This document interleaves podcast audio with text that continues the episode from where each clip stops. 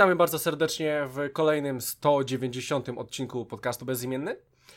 E, słuchajcie, standardowo za pierwszym mikrofonem będzie Christian Kender, a ze mną w studiu będzie również Rafał Radomyski. Cześć wszystkim, witam. E, I słuchajcie, gościnnie, o dziwne, dwa miesiące temu jeszcze bym tak nie powiedział, ale już teraz niestety tak powiem. E, słuchajcie, gościnnie prosto z Niemiec, zalanych Niemiec, e, przyjechał do nas e, Michał Stiller. Przypłynął, witam wszystkich. O, tak, przy, przypłynął, ma amfibię, więc jest ok. E, słuchajcie, e, Mikołaja nie ma. E, tak, to jest właśnie ciekawe. Mikołaja akurat nie ma, nie zgrały nam się terminy e, i niestety e, nie mogliśmy wspólnie nagrywać. Myślę, że to jest taka wyjątkowa sytuacja. E, już na pewno w następnym odcinku e, będzie, więc. E, nie no, umówmy się, mamy sezon urlopowy i w poprzednich latach często w sezonie urlopowym robiliśmy jakieś przerwy trzytygodniowe czy inne chuje muje, a teraz jakby Mamy na Nie możemy. Nie, nie, możemy, bo Patronite nas goni i nie możemy. E, więc e, słuchajcie, e, Mikołaj na pewno do nas wróci e, i na pewno za dwa tygodnie z nami nagra. Mamy dzisiaj Michała, e, to super.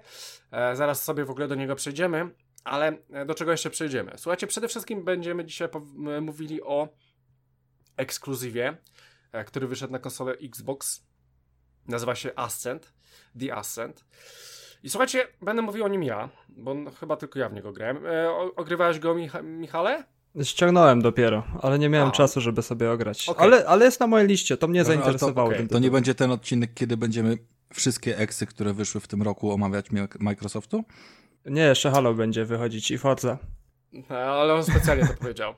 E, tak, ale powiem ci, powiem ci, żeby twój apetyt był jeszcze taki bardziej, bardziej nienasycony. To jest najgorsza gra Microsoftu e, w tym roku, jaka wyszła. I ja wam powiem czemu. E, pomimo tego, że uwielbiam oczywiście stronę zieloną i na niebieską mam wyjebane, no to tym razem, no niestety jest słabo. Znaczy, może nie do końca słabo, ale, ale no, oczekiwania miałem trochę większe.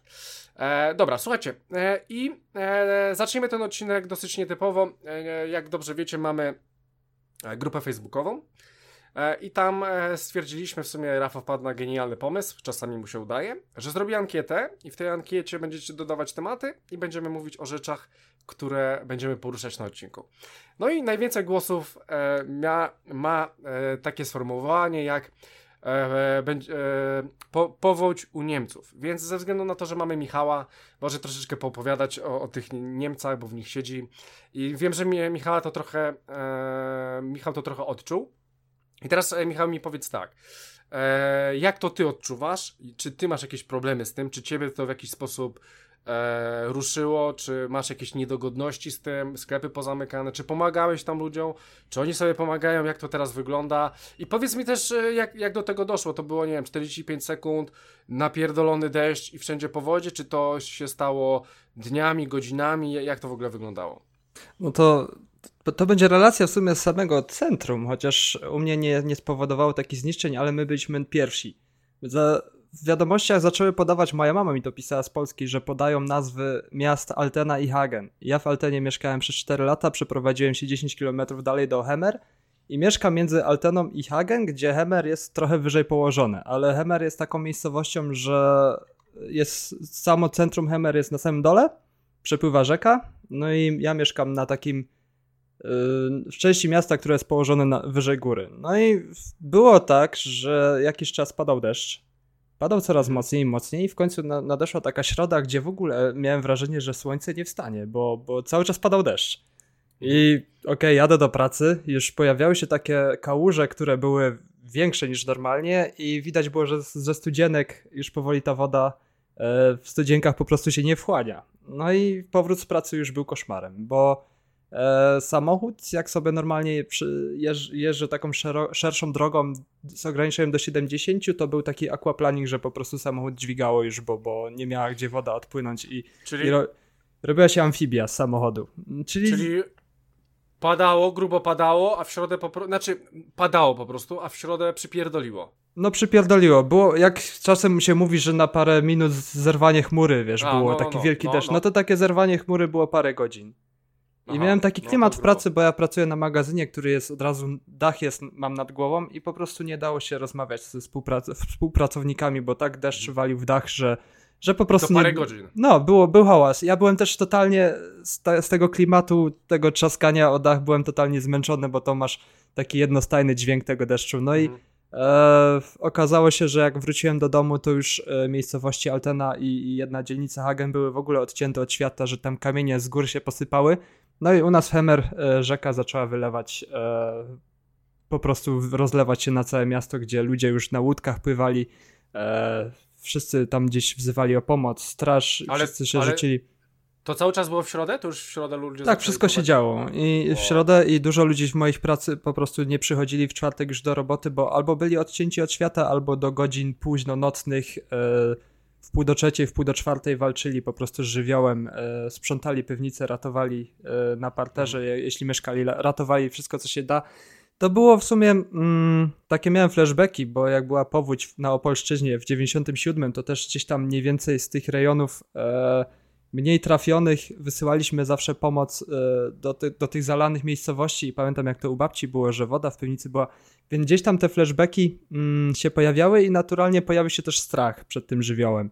Czwartek, No ty dzień nie przepadasz później, za wodą, więc tutaj No właśnie, musiał on ja- być, być pod, A, no podkręcony. właśnie, no właśnie. włączyły mi się Subnautica mode.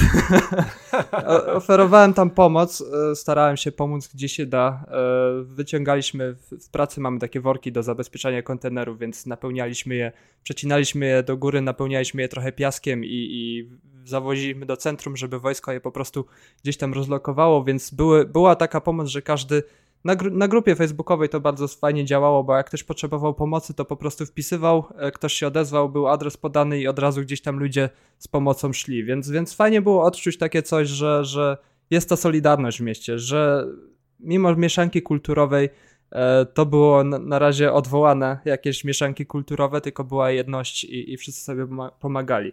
No i naturalnie Miałem Michał zapytać, czy ty, ty jak tam typowy Polak dla Niemca takim byłeś, że oni kładli worki, a ty je wysyp, wy- przerzucałeś, wysypywałeś z nich piasek? Czy, czy, czy... Ja je kradłem, nie? Położyli worek i ja zwinąłem i mówię, kurde, darmowy worek. Słuchaj, zanim, Ale- zanim przejdziesz dalej, to chciałem, bo tak jeszcze mówiłeś właśnie, że jechałeś autem, że aquaplaning, ryzyko wypadku i tego typu rzeczy, że mm, no to wiadomo, nie były nie były na pewno przyjemne chwile. Mm, My różnego rodzaju opady deszczu tutaj mocne mieliśmy, mm, czy w Krakowie, czy, czy w Poznaniu. Tam bardzo mocno pozalewało niektóre wiadukty, szczególnie jakieś tunele i tego typu rzeczy. I dam wam dobrą radę, bo jakby nie wiem, czy wiecie, ale no skoro już mamy taki temat poza, y, poza giereczkowy, no to jednak pewnie większość osób ma samochody ubezpieczone mm, i, i- są świadomi, że one są ubezpieczone od jakichś właśnie ryzyk y, powodzi czy gradu, że w razie jak ten samochód zostanie zalany, zniszczony przez, y, przez te żywioły, to gdzieś tam ubezpieczenie zadziała. Y, Chcę wam powiedzieć, że nie zadziała, jeżeli wiedziecie, wiedziecie wodę i silnik zassa wodę i dojdzie przez to do zniszczenia. To jest praktycznie zawsze wszędzie wyłączone i to jest ogromny problem, bo, bo te duże kałuże są bardzo zdradzieckie. Ona może nawet być po prostu zbyt y, płytka, żeby samochód się utopił, ale wystarczy wjechać y, tak szybko, żeby ta fala gdzieś tam przed zderzakiem, która się robi, spowodowała zassanie wody i od razu się wszystko oczywiście rozpierdala, no bo jakby woda zamiast powietrza, jak trafia do silnika, no to już nie ma, nie ma szansy na uratowanie go tak naprawdę. Eee, No i cóż, no jakby czekamy na wysyp y, BMX do driftu bez podłogi. Na, Oj tak. to na pewno będzie, będzie standard. y, Dzisiejsze opcje na, na ukrycie tego faktu, że auto było po powodzi jest, no są po prostu przeogromne, wiadomo, tam cały detailing, odświeżenie, wszystko, nawet wymienienie wykładziny i tak dalej, ale to nic nie da, jak tam już weszła wilgoć w te, te taka głęboka, stojąca woda w te wszystkie tunele i tak dalej, no ja bym się nie decydował y, na zakup auta przez Niemiec przez najbliższy, z Niemiec przez najbliższy rok, powiem szczerze. Tym bardziej, że tych aut będzie teraz od groma, bo już na przykład sam salon e, Volks- Volkswagena w Niemczech, tutaj w moim mieście, e, 70 samochodów, nówki sztuki, zero przebiegu, po prostu były pod, e, do szyb pod wodą, więc e, było grubo. Akurat no z i- salonu, Wow, wiesz, nie ma się co martwić, bo wszystkie salony i tak dalej, oni potrafią setki aut y, wrzucać na przemiał tylko dlatego, że, że, że tam się wydarzy jakaś głupota. To jest po prostu, wiesz, kwintesencja Unii Europejskiej, że takie rzeczy się dzieją. I że po prostu drobne zniszczenie wolą to zgłosić z ubezpieczenia i 70 aut y, nowych, sprawnych, które Polak by, wiesz, y, całował po oponach, to, to wrzucają na przemiał, dlatego, że im się bardziej opłaca wziąć tą kasę z ubezpieczenia, ale wszystkie używane już nie i tam na pewno wiemy, że, że nie jeden Turek zaraz będzie przywoził to wszystko za granicę i no i niestety na pewno, na pewno uważałbym na to ryzyko, bo taka powódź nie zdarza się często, sam powiedziałeś, że 97 rok to, to najbardziej był wspominany Potem jeszcze była chyba mała powtórka, nie pamiętam czy w 2001, czy, czy, czy trochę później, ale no, to są takie dwie daty, które każdy pracujący w ubezpieczeniach zna i, i zasadniczo tereny, które wtedy powódź dotknęła, do dzisiaj są niejako yy, pod ostrym ryzykiem i mają problem nawet z, z zawarciem właściwego ubezpieczenia, bo po prostu nikt ich nie chce. Nie? Mhm. E, Michale, w takim razie e, powiedz mi, e, ile tak jeszcze u was padało i jak to u ciebie wyglądało? Czy ty miałeś jakiś problem, nie wiem, z wyjściem do sklepu, czy w domu miałeś wodę? Jak to u ciebie wyglądało w ogóle przed domem, czy przed miejscem, gdzie mieszkasz, czy, czy musiałeś w kaloszach chodzić, żeby się przemieszczać? E, nie, aż tak, aż tak źle samochód? u mnie nie było. E, okoliczne miejscowości oczywiście, nurt e, rwał wszystko, samochody porywane na dachy, gdzieś tam przewrócone, więc było naprawdę kiepsko, bo to jest, dzieli mnie od tych terenów tam 10-12 kilometrów. U mnie było ok, aż do skrzyżowania, które mam tu niedaleko, które idzie z górki po prostu była droga za, zablokowana, droga, która prowadzi do moich, do centrum i do moich ulubionych sklepów, czyli, czyli e, rzeczy potrzeby codziennej. No i musiałem iść naturalnie do innego sklepu i zauważyłem, że przez to, że gdzieś tam było dru dużo dróg zalanych, nieprzejezdnych i, i czy to autostrady, główne nitki autostrad, czyli autostrada A1, która była totalnie pod wodą, że ciężarówki stały i miały wody pod kabinę i kogo się ewakuo dało ewakuować, to gdzieś tam e, kierowców helikopterem ściągali z ciężarówek. Mm, trochę, trochę lipy było w logistyce. No i okazuje się, że moja firma też ucierpi, mimo że jest, e, nic się nie stało, bo firma też stoi na górce, ale drut, który dostajemy do, do, do produkcji, materiał, e, pochodzi z firm, które zostały zalane i nie mamy materiału powoli, żeby produkować dla, dla klientów i może być lipa, e, może się to odbić na, na kolejne długie miesiące, że, że nie dość, że COVID dał nam w dupę, to jeszcze e, teraz powódź e, sprawia, że nie mamy towaru i nie mamy z czego wyprodukować, a zamówienia idą, więc no, odbije się to... jak PS5. No, dokładnie, będzie... sprawdzałem. E, no i no nie tak. było mięsa przez pewien czas w sklepach, o, lodówki proszę. były wyłączone i, i jadłem, z... Aha, no to tak. znaczy takie wege przepisy nagle zacząłem szukać, bo były warzywa i tak dalej, ale, ale robiło się tak trochę creepy, że... A, a a, Okej, okay, a powiedz mi, bo słyszałem, że miałeś gorszy, miałeś gorszy internet, a prąd, woda, jak to u Ciebie wyglądało?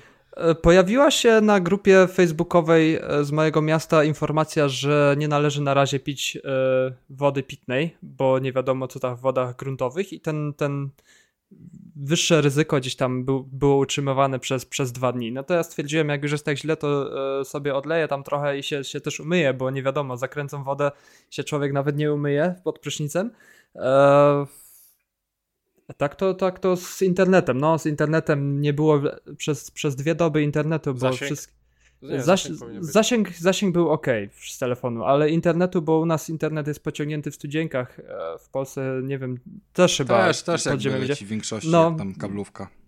Więc Vodafone miał naprawdę problemy, żeby, żeby wrócić z Grałeś zasięgiem. wtedy na Xboxie? Eee, Coś tam próbowałem pograć i wtedy odpaliłem UFC, bo nie dało się grać w koda na multi, bo było tak po prostu. Internet był, pojawił się po, po dwóch dniach, ale był strasznie powolny, tak jakbym, tak jakbym na, na słabym routerze gdzieś tam próbował. No i teraz pojawiła się akcja, że ja mam telefon w sieci na kartę z O2, że O2 dało 100 giga szybkiego pakietu, żeby dotrzeć do znajomych szybko informacją internetu, o, żeby gdzieś tam pomóc. No i najlepsze było, że e, w telewizji oczywiście było wszystko na żywo, specjalne przerwanie programów, żeby było nadawanie specjalne i mówili o wytwarzaniu CO2, e, wytwarzaniu dwutlenku węgla, gdzie cały czas helikoptery z telewizji krążyły nad naszymi głowami i opowiadały o tym, jak zanieczyszczone jest powietrze. Więc to był, to był dla mnie tak, taki absurd, że ja, muszą To były latać... elektryczne helikoptery jakieś. drony były znasz, w ogóle. Tak. Drony. w ogóle... Orło drony z, asas z, z Assassina. Z, ej, e, Michala, powiedz mi jeszcze taką jedną rzecz. E, jak długo jeszcze padało? To tylko była środa, czy dalej padało? Czwartek, piątek? Powiedz mi, czy były jeszcze jakieś e, um, przejawy wandalizmu, jakieś e, napady na sklepy czy coś, dawaj, to jest mój chleb, nie kurwa, mój chleb, dawaj te mięcho. Papier toaletowy, papier no, to papier jest podstawa, toaletowy, czy ludzie się tak. kłócili, czy jakieś tam bójki były, coś. E, Było zabezpieczone bardzo dużo rzeczy, bo zaczęły pojawiać się e, nagle e, z obcymi rejestracjami pojawiły się, się busy do, do ładowania. No i e, zblokowali niektóre, niektóre ulice, żeby po prostu obcy nie wjeżdżali. I w niektórych miastach pojawiło się coś takiego, że były kontrole po prostu na wjeździe do miasta, jakby się wjeżdżało do jakiejś enklawy w ogóle i to było też takie creepy, że jak wjeżdżasz do miasta musisz e, podać powód, dla którego wjeżdżasz do miasta i, i po prostu czy Mhm. tam masz na w dowodzie wpisany meldunek czy coś, że obcych nie wpuszczano bez powodu, bo wiadomo, że taki obcy może sobie gdzieś tam przez wybite okna i tak dalej, puste domy, gdzie ludzie zostali ewakuowani, sobie wejść i, i pokraść rzeczy, które jeszcze są ocalałe, mimo że bardzo dużo było śmieci i, i bardzo dużo e, rzeczy nie przetrwało, tak, tak złomiarze się, się No na pewno ktoś tam miał PS5.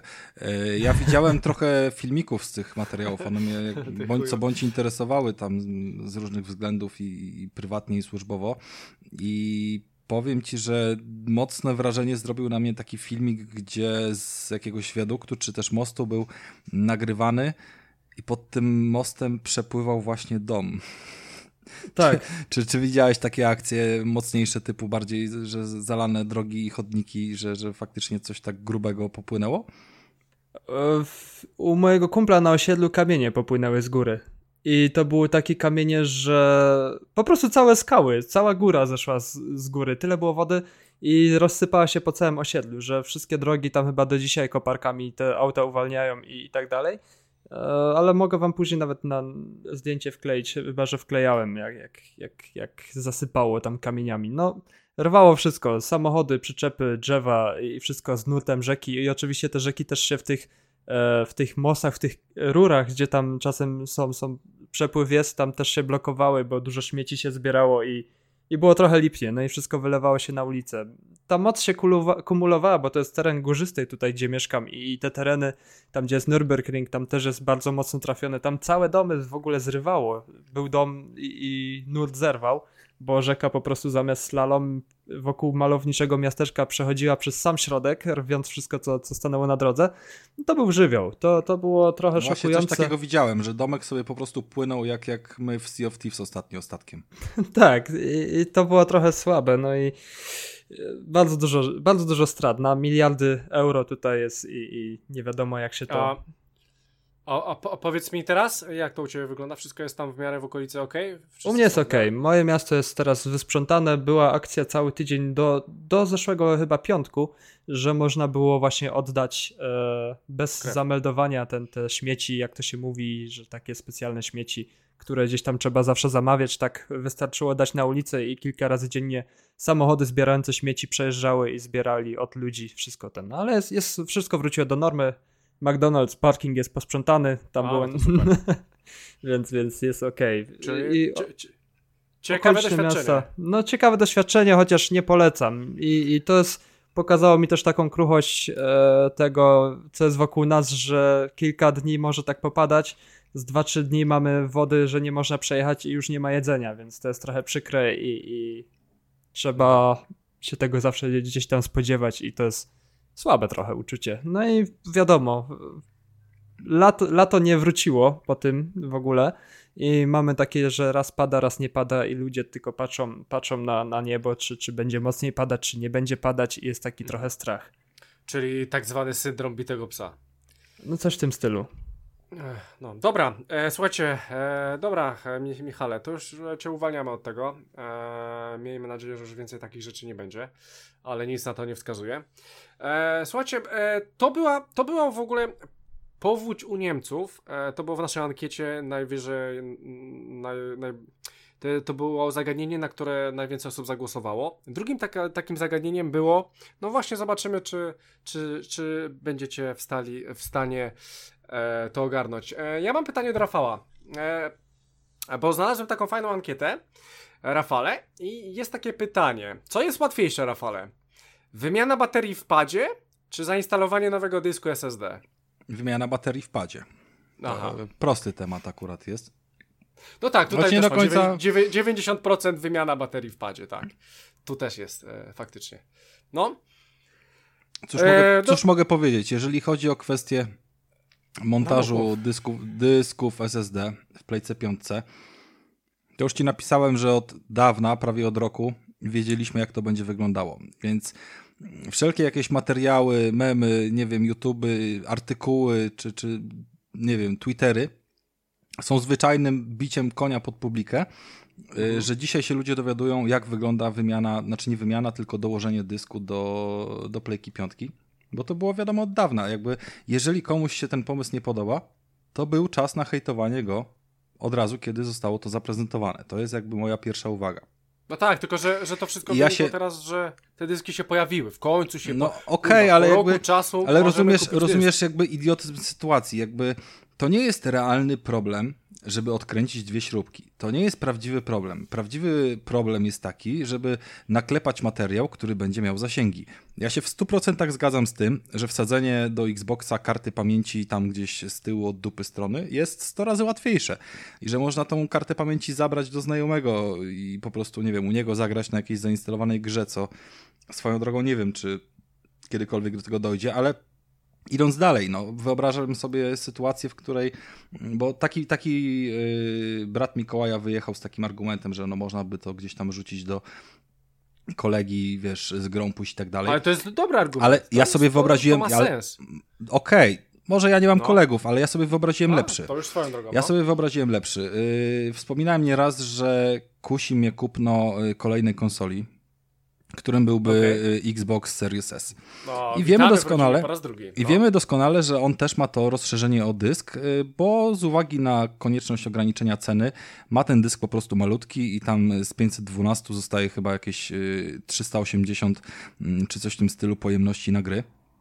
A może jeszcze mniej, nie Okej, pamiętam. Ale to, ja sobie zobacz- wyobraziłem w tym momencie tak, Nie, nie, nie. że to ja niektóre, że niektóre gry, które załóżmy zajmują jakoś bardzo dużo i nie wiem, 100 GB Forza 5 albo coś w tym stylu, mam sobie na takiej karcie pamięci, którą mam jedną, bo po co mi dwie, i sobie trzymam tą grę zainstalowaną na, yy, na dużym Xboxie, a gdy chcę pograć na małym Xboxie w drugim pokoju, to sobie ją przenoszę na tamtą Super, konsolę. Super, I wtedy, no, i widzisz, wtedy no nie to- jest to jest problem, dobre. żeby wiesz, yy, żeby ten jakby z jedną taką kartą pamięci na szybko wypiętą i wpiętą, żeby ten Xbox miał powiedzmy tylko te 350 czy tam ileś gigabajtów. I to jest dla mnie 100 razy lepszy argument.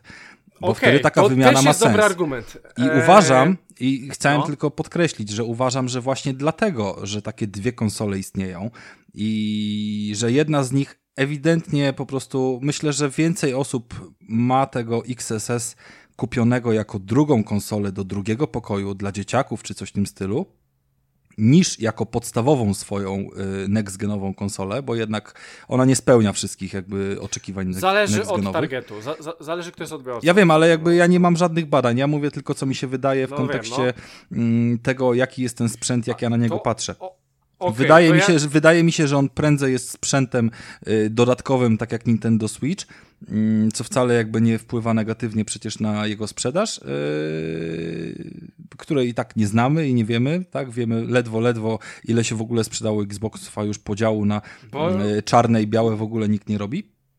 Ale nie zmienia, ale nie, zmienia, nie, nie chodzi o to, że to jest źle, po prostu tego nie wiemy. Po prostu Ale, tego nie ale nie wiemy. musimy wiedzieć. Nie, Microsoft nie musi się co 5 milionów chwalić, ile on konsol Eee, sprzedaje. Bez sensu. Ale Sony oczywiście, ale oni się nigdy nie chwaliło. Teraz i... robią, robią co 3 miesiące. A nie mamy konsol, nie starczy dla wszystkich. Nie Ale no, Krystian, ale to nie chodzi o to, jakby oczywiście, że się No. nie muszą chwalić, bo Tego oni idą w nie usługę. I dla nich ważniejsze jest to, żeby pokazać, ile osób ma Game Passa, a nie ile No tak, osób ma tak, tak. konsolę, więc to jest zrozumiałe. To, to jakby nie jest Okej. żadne negatywne spojrzenie. Ja w każdym razie uważam, że taki dysk y, wymienny, no, nieważne, on kosztuje tam 1100 zł, y, nie wnikam w jakieś promocje i tak dalej, ale taka Mhm. jest cena na półce, ma bardzo mocny sens, mm, myśląc o tym, że, że chcemy po prostu mieć właśnie dwie konsole, bo gdybym nie chciał na przykład tej małej konsoli, to bym kupił dwie duże, mając do dwóch pokoi. Ta sama cena by wyszła, tak? Bo 1300 plus yy, 1100, no to miał dużego Xboxa w tej cenie. Ale rozszerzenie pamięci, trzymanie na nim tych y, dużych, ciężkich gier z opcją przeniesienia z dużej na małą konsolę wydaje mi się bardzo fajnym jakby pomysłem, argumentem ewentualnie. Natomiast Playka tego problemu powiedzmy, że nie ma. Jakby tam w sensie wszystkie wersje dyskowo są y, takie same. No i od początku dyski były po prostu kwestią do montażu do środka. Ale plusem tego rozwiązania no, no jest nie to. tak, no Rafale, no kurwa, no nie tak. Nie w taki brzydki, chujowy, beznadziejny sposób. Ale dlaczego? Jakby No nie wiem, bo, bo to dla mnie. Dla mnie ja to takie- montuję, ale wiesz, jakby ja patrzę na to w ten sposób, że ja dysk w playce montuję i o nim zapominam na kolejne 7 lat. Okej. I go nie Ja ma. to jakby dos- nie, nie widzę tam doskonale- potrzeby przenoszenia No tego. tak, no niby tak. Tak samo jak nie widzę potrzeby kupowania drugiej playki. Rozumiesz? Jakby to jest tego typu y, No tak, idea. tak, tak. Bo Xboxa drugiego chcę kupić y, potencjalnie tylko dlatego, Zapraszam. że jest on konsolą małą i po prostu jest w stanie gdzieś tam się zmieścić, nie wiem, w sypialni na przykład na szafce czy coś Ale w tym to- stylu. To jest sens, jak e, e, tego Steam Docka chcesz kupić? Yy, Znaczy Steama, Steama kupujesz, nie? To, czy jest sens, to myślę, że będzie jednym z kolejnych tematów dzisiejszego odcinka. Okej, dobra. E, Eee, te jeszcze, jeszcze, jeszcze Chciałem tylko, e, chciałem tylko powiedzieć, że A, Boże, no nie dasz mi, kurwa. No nie dam No ci, ale jakby jedną rzecz chcę powiedzieć. Zobaczymy, jakie będą ceny tych dysków, gdy więcej firm jakby określi, że są one tam full kompatybilne, bo to jest jakby świeży news, że, że ta aktualizacja idzie i ileś tam, nie wiem, chyba z sześć różnych firm potencjalnie spełnia te wymagania. Mhm. Chujowo trochę, To że są, póki co są droższe i to sporo droższe. yy, wiesz co, 1350 kontra 1100 z Xboxa, to jest mniej więcej takie porównanie, Nie, więc ja widziałem trzy- sie- 70 e, dolarów różnicy, mniej więcej. No, Teraz. ja ci mówię to, co ja sprawdziłem. Nie, no Jakby nie, nie 700 wiem, jak tam u ciebie jest w UK. W UK nie ma Xboxów 300, na półce, O, więc 300 zł e, różnicy. zasadniczo No, okej. 250 y, euro taki dysk terabajtowy powinien kosztować. Ale ważne jest to i myślę, że, że, że to wiele osób jest w stanie docenić, że ci, którzy mają kasę i jakby nie stanowi to dla nich problemów, mogą tam wsadzić dysk 2terabajtowy lub 4terabajtowy. Yy, Ci, co chcą po prostu minimalnym kosztem podciągnąć tą pojemność do jakiejś yy, bardziej satysfakcjonującej, to wsadzą 512. A póki co, mam nadzieję, że to się zmieni, ale póki co mamy tylko 1 terabajtowe wersje kart od Xboxa i jakby ta swoboda i możliwość odsprzedaży tego dysku, bo on będzie do wykorzystania w PC-cie, można go sobie włożyć potem do, i nawet sprzedając playkę, to on będzie zajebisty do PC-ta za parę lat, bo, bo będzie. I to E, stanowi jakiś okej. plus jednak tej sytuacji, nie? E, Na pewno Rafale, większy plus stanowi niż y, minusem jest śrubka, którą trzeba wykręcić, no jakby w E, takim no, Wiesz, odczuciu no to. jednak jak zobaczyłem ten filmik, to tak sobie pomyślałem, o, dwa palce sobie włożyłem do buzi i tak sobie pomyślałem, co oni odpierdalają, co to kurwa komputer, ale e, nie wiem, czy pamiętasz, e, jak zapowiadali, jak były targi 3 i zapowiadali tam e, Xboxa One i PlayStation 4, Xboxa One, Kinect i pożyczanie gier i był ten fajny filmik, że e, no jak, jak w PlayStation sobie pożyczamy grę, gry, no tak, i przekazuję mu te pudełko i tak. No to tak samo, jak, jak podłączamy w nowej generacji kons- e, dyski. No tak, i, w- i wkładasz jak cartridge, dziękuję. E, i, I to było przepiękne. Ale, e, Rafale, chcę jeszcze Ci powiedzieć o, o tej małej konsoli i, No. o, e, i o tym, jak te gry, ile te gry ważą. Zauważyłem to u siebie. Mam wrażenie, że przy tej małej konsoli jest to to samo, prowizorycznie. Mam taką grę, która nazywa się Dark Alliance, Dungeons and Dragons. Ja kiedyś o niej powiem. E, Na pewno nie dzisiaj, ale już jestem gotowy, żeby ją wa wam powiedzieć, e, o co w niej chodzi. Ja sobie gram w tą grę z dziewczyną. Na dużej konsoli ona mi waży, załóżmy, 26 giga, a na, a na starym Xboxie One ona waży 18, albo 16, albo 17. Waży sporo, sporo więcej. I porównałem, tak jest praktycznie z każdą grą, która jest e, zrobiona na Xbox Series X, czyli jest kompatybilna do Series X. To są wielkości 20, 30, czasami nawet procent. No ja rozumiem, nie ma o- po prostu rozdziałek 4K, Tak. tekstur czy coś w tym stylu. tak, tak, tak, to. I ta mała konsolka też nie ma 4K. Ona chyba nie ma 4K. Ona ma e, te 1560 czy no 1440, coś No, takiego, nie? Chyba wyświetlać O- o- potrafi, ona- ale wiesz, to na takiej samej Nie, zasadzie jak tam- 8K duże konsole. E, nie wiem. Znaczy technologicznie, wiem. Technologicznie jest- potrafi na pewno, bo Tak, już e, ale- One S potrafił robić 4K i miał na pudełku, tylko w kontekście Blu-raya na przykład, a nie gier. Trzeba by było to zobaczyć, ale wydaje mi się, że ona też może nie pobierać całych pełnych gier, tak jak idą na dużą konsolę. Ale tutaj nie jestem pewny. Wiem na pewno przy starej generacji Znaczy, na 100% słuchaj, okej, Michała e, gra będzie ważyła kwestia- mniej niż nasza. Krystian, ale to nie jest e, reguła. ja już jakby przerobiłem No, ten temat na nie, wielu grach. Nie wiem, czy nie jest reguła. No. Przede wszystkim, mm, ty masz starego Xboxa, a nie nowego, małego Xboxa. I to są inne wersje gier.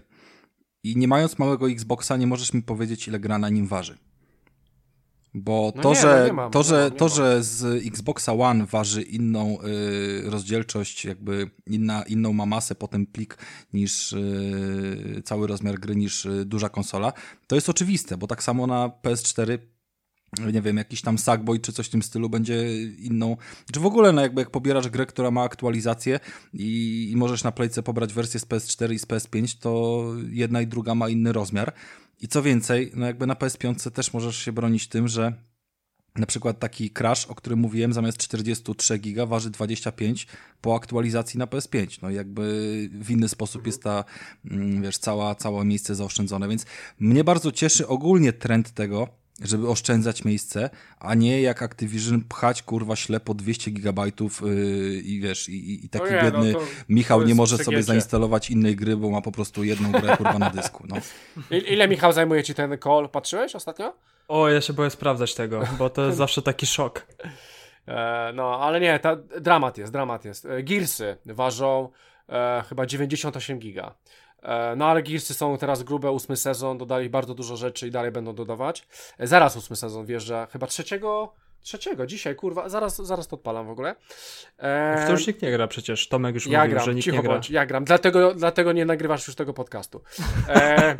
E, I jeszcze chciałem coś powiedzieć, a Microsoft Flight Sim- Simulator, o którym później powiemy, no to chyba 3 giga, no ale to jest cały świat, o czym też później powiemy. E, Rafale, mam jeszcze jedną szpilę, ale chyba ją zostawię. Zostawię ją sobie na następny odcinek, bo to jest taka fajna szpila e, i będziemy o tym gadać później. Myślę, że polewki z MS-a to już e, też zrobiłeś, Rafale, to chyba pójdziemy dalej. Em, słuchajcie, i chyba pójdźmy, albo może, może, może, może zadajmy małe pytanie do e, Michała. E, Michael, na razie coś e, lightowego, e, oglądasz sobie coś e, Netflixowego, więc co tam ostatnio e, dorwałeś, co ci sprawiło wielką frajdę w tych podtopionych Niemcach? E, a typowy wszedł czwarty sezon i byłem w kinie raz, bo kina też otwarli chyba, o proszę, chyba jako kinie. ostatni kraj w ogóle na świecie otworzyli kina e, w O Niemczech. proszę, no. E, zacznę od atypowego, bo to było no. takie... Mo, mo, moja dziewczyna to ogląda i mówi, że jest ogólnie zajebisty serial, ale ja jakoś tak, no dobra, To znaczy ten serial, już, już mówiłem o tym serialu na łamach Mhm. tego podcastu, że przy sez- sezonie trzecim opowiadałem, że, o czym jest mniej więcej ten serial. No i wracamy do tego, do rodziny Gardnerów i, i losy Sama, który jest chory na autyzm. E, śledzimy sobie dalej. No i okazało się, że w sezonie czwartym coś nie pykło i mam taką teorię, że oni po prostu rozplanowali se, sobie ten serial na dwa sezony i zobaczyli, ze- że zażarło i zaczęli robić trzeci i czwarty, co nie zawsze jest. E, trzeba wiedzieć, kiedy zejść ze sceny niepokonanym, jak to mówi e, polski kla, klasycz, polska klasyka muzyki. No i atypowy nie wie, kiedy zejść ze sceny, i to zaczyna się robić miałkie. Mam mieszane uczucia do tego serialu, bo bardzo lubię ten serial. Sezon pierwszy, sezon drugi naprawdę chwytałem za serce, bo gdzieś opowiadany jest ten cały świat sama Gardnera, który jest chory na autyzm i gdzieś w pewien sposób jest przybliżany do odbiorcy e, te życie człowieka, który gdzieś tam ma trochę niestandardowe życie z syndromem autyzmu. Nie jestem ekspertem tej choroby, ale wiadomo, mm, że ludzie z autyzmem mają trochę problem, trochę większy niż my, e, więc, więc należy im się trochę więcej uwagi, e, trochę więcej mm, szacunku i tak dalej, że, że wyrozumiałości przede wszystkim, że te osoby z autyzmem prowadzą swoje życie. No i to było świetnie pokazane w pierwszym, drugim sezonie. Trzeci sezon był jeszcze ok, bo dalej sam z tym autyzmem był gdzieś na pierwszym planie, ale czwarty sezon to już było w ogóle odchodzenie od, od głównego tematu i mam wrażenie, że głów, te główne założenie tego serialu, żeby pokazać ten autyzm, poszło gdzieś totalnie w tło, żeby wprowadzić typowe Netflixowe e, równouprawnienia i tak dalej, więc, więc te wszystkie problemy, które teraz są gdzieś tam na fali, e, zostały wciśnięte w czwarty sezon, więc ten sezon stał się tak bardzo mm, na topie i ten główne założenie tej choroby autyzmu gdzieś tam poszło na drugi plan, co odebrało temu serialowi swoją wyjątkowość i ten czwarty sezon to jest takie pójście na fali, że tak określę powodziowo, pójście na fali e, popularności tego serialu i odcinanie kuponów, więc e, jeśli zapowiedzą piąty sezon, to, to będzie też chyba, mam wrażenie, że trochę takie będzie skok na kasę, bo wątki, które tyczyły się gdzieś sama, mm, zostały w pewien sposób wyczerpane i już w czwartym sezonie widać było, że oni nie mają pomysłu na tą postać. Więc gdzieś tam było ok, sam ma jakieś tam marzenie, niby jest na tych studiach, gdzieś tam chce skończyć studia i chce sobie wyjechać. A gdzie chce wyjechać, to, to nie będę tutaj zdradzał. No i główny, cały sezon mniej więcej e, otaczał yy, to, ten pomysł wyjazdu, ale nie skupiał się na, na samej e, postaci sama, więc, więc było to trochę tro, takie przykre zepchnięcie tego sympatycznego bohatera w tło i, i skupienie się na innych, na innych wydarzeniach w tym serialu, więc mm, jeśli ktoś nigdy nie oglądał, no rozciąganie bez sensu. E, jeśli ktoś chciałby zobaczyć sobie ten serial, to pierwszy, drugi sezon i można sobie naj, najwyżej trzeci jeszcze sobie dorzucić, bo e, fajnie się to ogląda. Tam jest chyba po 10 odcinków na sezon i odcinki mają e, po 20, 30 albo nawet 40 minut. E, w każdym bądź razie bardzo szybko się to ogląda. Ale czwarty sezon był już taki, że po pracy jak sobie oglądałem to przymknęło mi się czasem oko i musiałem wracać, więc wracać na, na linii czasu e, do tyłu, żeby nic nie przegapić, ale okazywało się, że za wiele nie przegapiłem i, i byłem na czasie mimo dżemki podczas serialu, więc e, słaby, słaby czwarty sezon. Byłem trochę zawiedziony i na piąty nie napalam się, bo mam wrażenie, że temat i idea została wyczerpana. Dobra, mam e... pytanie. Mam pytanie w takim razie mm -hmm. jedno. E, w zasadzie to jest pytanie od Mikołaja. Mikołaj Weiser pyta, czy działa na starej generacji. Tak działa, bo oglądam Netflixa na starej generacji, 60 klatek dalej jest, więc działa płynnie. Fajnie się ogląda. Dobrze. rozumiem, że to mem się już stał. To się stało powoli memem, bardzo dobrze. No to była, to była trzecia y, najwyżej punktowana pozycja na ankiecie. No może czwarta. No, piąta. Okay. E, I w kinie byłem. To I było po, Powiem ci, zanim powiesz o tym, e, o tym, o tym Conjuring, tam obecność, to powiem ci, że oglądałem tylko jedynkę i e, jedynka zrobiła na mnie ogromne wrażenie. To nie oglądaj ja, trójki. E, Okej. Okay. E, ja dużo oglądałem e, horrorów swego czasu, teraz już trochę mniej, ale to było dla mnie coś nowego i naprawdę świeżego. Jedynka była po prostu bardzo dobrym horrorem. E, jak na ten taki trochę ciężki jednak e, gatunek do pokazania, bo na ogół te horrory to dostają w okolicach pięciu, tak? E, takie są tego oceny, ale, ale no, jedynka zrobiła duże wrażenie. Jedynka miała swój specjalny klimat i swoje no, momenty. Dwójki nie oglądałem i trójki, więc. No, to, to do jedynki się tak odniosę, że jedynka miała swój taki klimat, yy, który ciężki jest do podrobienia. Budowało gdzieś tam napięcie i był nieprzewidywalny ten film. Sama scena, mhm. gdzie, gdzie postać zatrzymuje się na sodach, gaśnie światło i klaśnięcie dłoni e, z lewej strony pojawiło się. Ja przy tym klaśnięciu to jest chyba moja ulubiona scena, scena z horrorów ever. Eee, I gdzieś ta jedynka mi zapadła. Byłem jeszcze na, na Zakonnicy, to była Zakonnica, te, ten Było coś, tak, tak. No, tak, byłem tak, na tym w kinie. No, tak. To było bardzo dobre. Mm, bardzo dobrze się przy tym bawiłem, bo też gdzieś tam gęsia skóra się pojawiała E, byłem ze znajomymi, to więcej było śmiechu, ale, ale film trzymał w napięciu. No i mhm. Conjuring 3. E, po przerwie kinowej stwierdziliśmy, że pójdźmy na, na coś, co brzmi po prostu dobre, nie patrzmy na ocenę, byle, byle sobie pójść do kina, bo nie byliśmy już, kiedy byłem w kinie, 2019 chyba, na tym, na Metalice, jak było ten z, z orkiestrą Denton. To było w kinach, to byłem ostatni no raz w kinie. pamiętam, tak, tak. To tak, było bardzo to... dawno temu. To tak. To no i wybraliśmy. Jeszcze cię, jeszcze cię nie znałem wtedy, to tak, to wiem. Chyba się znaliśmy już nawet. Nie no, żartuję, Michał. Widzisz, nie, nie łapię już żartów. A, no już łapię. Zestarzałem się, stary grzyb, kurde. No, okay.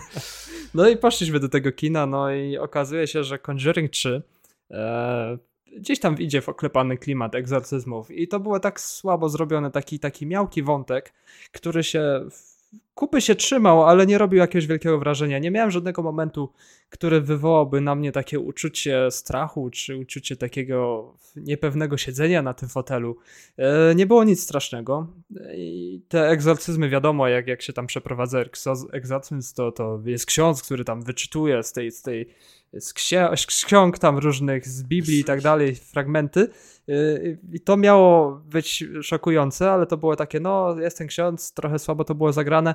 No i ta postać opantana, która się tam wiła gdzieś na stole, wykrzywiało ją tak komicznie, że tak komputerowo słabo to było zagrane, że miałem wrażenie, że, że do tego trochę brakło budżetu, jeśli chodzi o film. No i później były takie jakieś kuryzjalne rzeczy, y, które jakoś nie pasowały mi y, do tego filmu i wszystko tak było w, w całości tak, tak słabo przedstawione.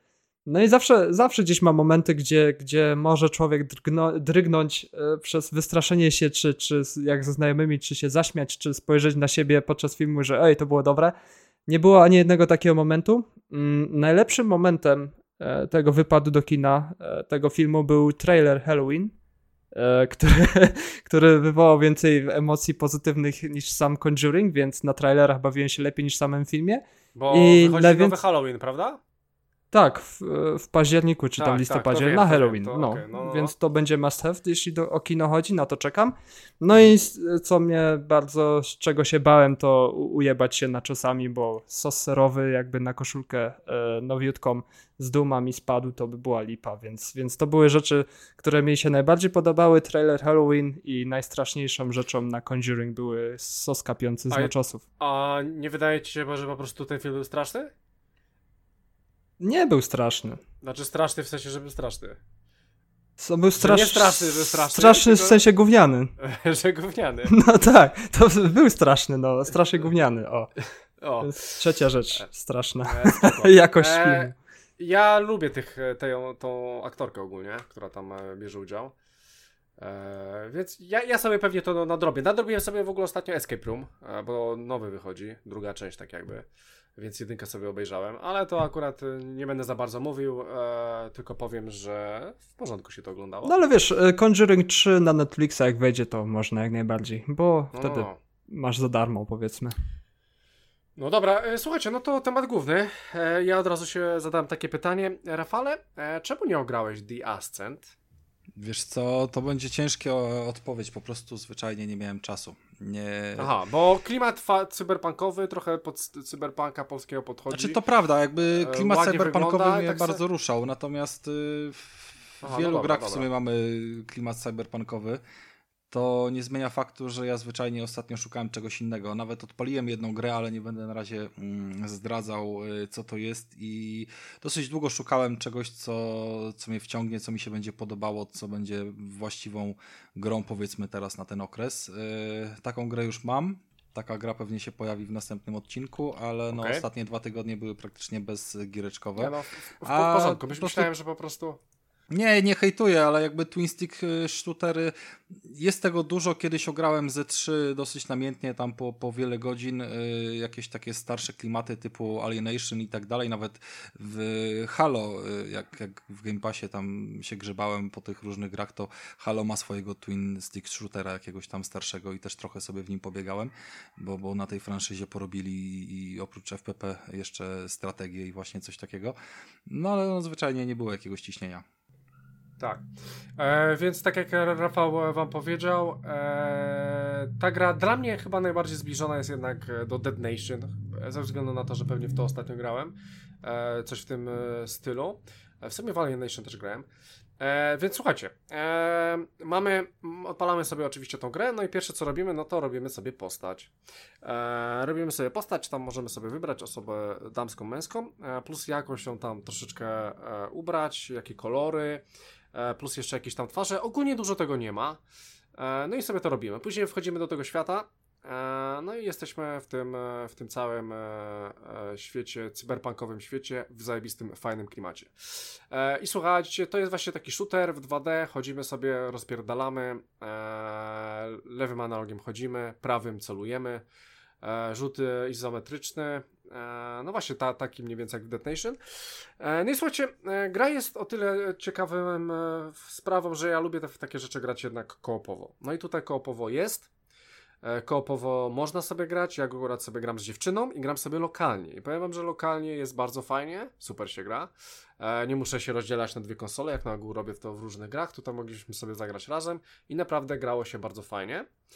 E, no i to jest od razu jedna uwaga, jest też opcja online, ale opcja online polega na tym, że ja mogę sobie zagrać z Rafałem, ale żadnych serwerów nie ma. Więc nie możecie sobie wejść do gry i sobie znaleźć grę i sobie dojść. Nie ma czegoś takiego. E, szczególnie, że gra raczej, mm, jak gracie w tą grę, to raczej gracie też ją, historię tej gry i w sumie całą waszą postać. Można by było zrobić to na zasadzie na przykład Borderlands, czy właśnie Diablo, czy, czy coś w ten deseń, ale jednak twórcy postanowili, też może ze względu chyba na hajs i na to, że trzeba odpalać serwery na to, e, więc z tego zrezygnowali. Trzeba brać też pod uwagę, że tą grę zrobiło, uważajcie, 12 osób. Robili ją przez 3 lata więc e, na niektóre rzeczy, no, sumą rzeczy to nie jest Ubi, gdzie ma 200 osób, tylko to jest po prostu firma, która miała 12 osób i po prostu zrobili grę e, pewnie przy mocnej pomocy finansowej Microsoftu. E, słuchajcie, więc e, mamy sobie e, takiego shootera w świecie cyberpunka i pierwsze, co jest zajebiste, to grafa. E, grafa, grafa jest naprawdę zajebista, robi robotę, ale, ale to, co jest poza tą grafą robi jeszcze większą.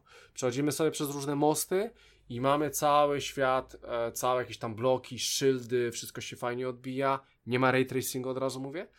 E, wszystko się fajnie odbija, e, jakieś tam e, fajne napisy gdzieś są, coś, coś przelatuje, e, dookoła nas dzieją się różne rzeczy, my chodzimy po mieście, tutaj ktoś gra w karty z kimś, tutaj ktoś się kłóci. Po prostu fajnie fajnie, fajnie jest to przedstawione, jakbyśmy byli po prostu w jakimś takim mieście. E, to już mówię, jak dojdziecie do tego miasta.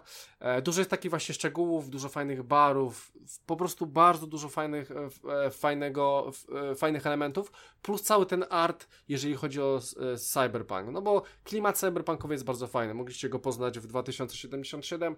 Tutaj jest on inaczej pokazany. E, ale w sumie chyba bardzo podobnie, bo, bo jednak jesteśmy w, inna, w innym klimacie. Mam na myśli, że kamera jest po prostu inaczej pokazana. E, no i te szczegóły są zupełnie inne i na innym poziomie.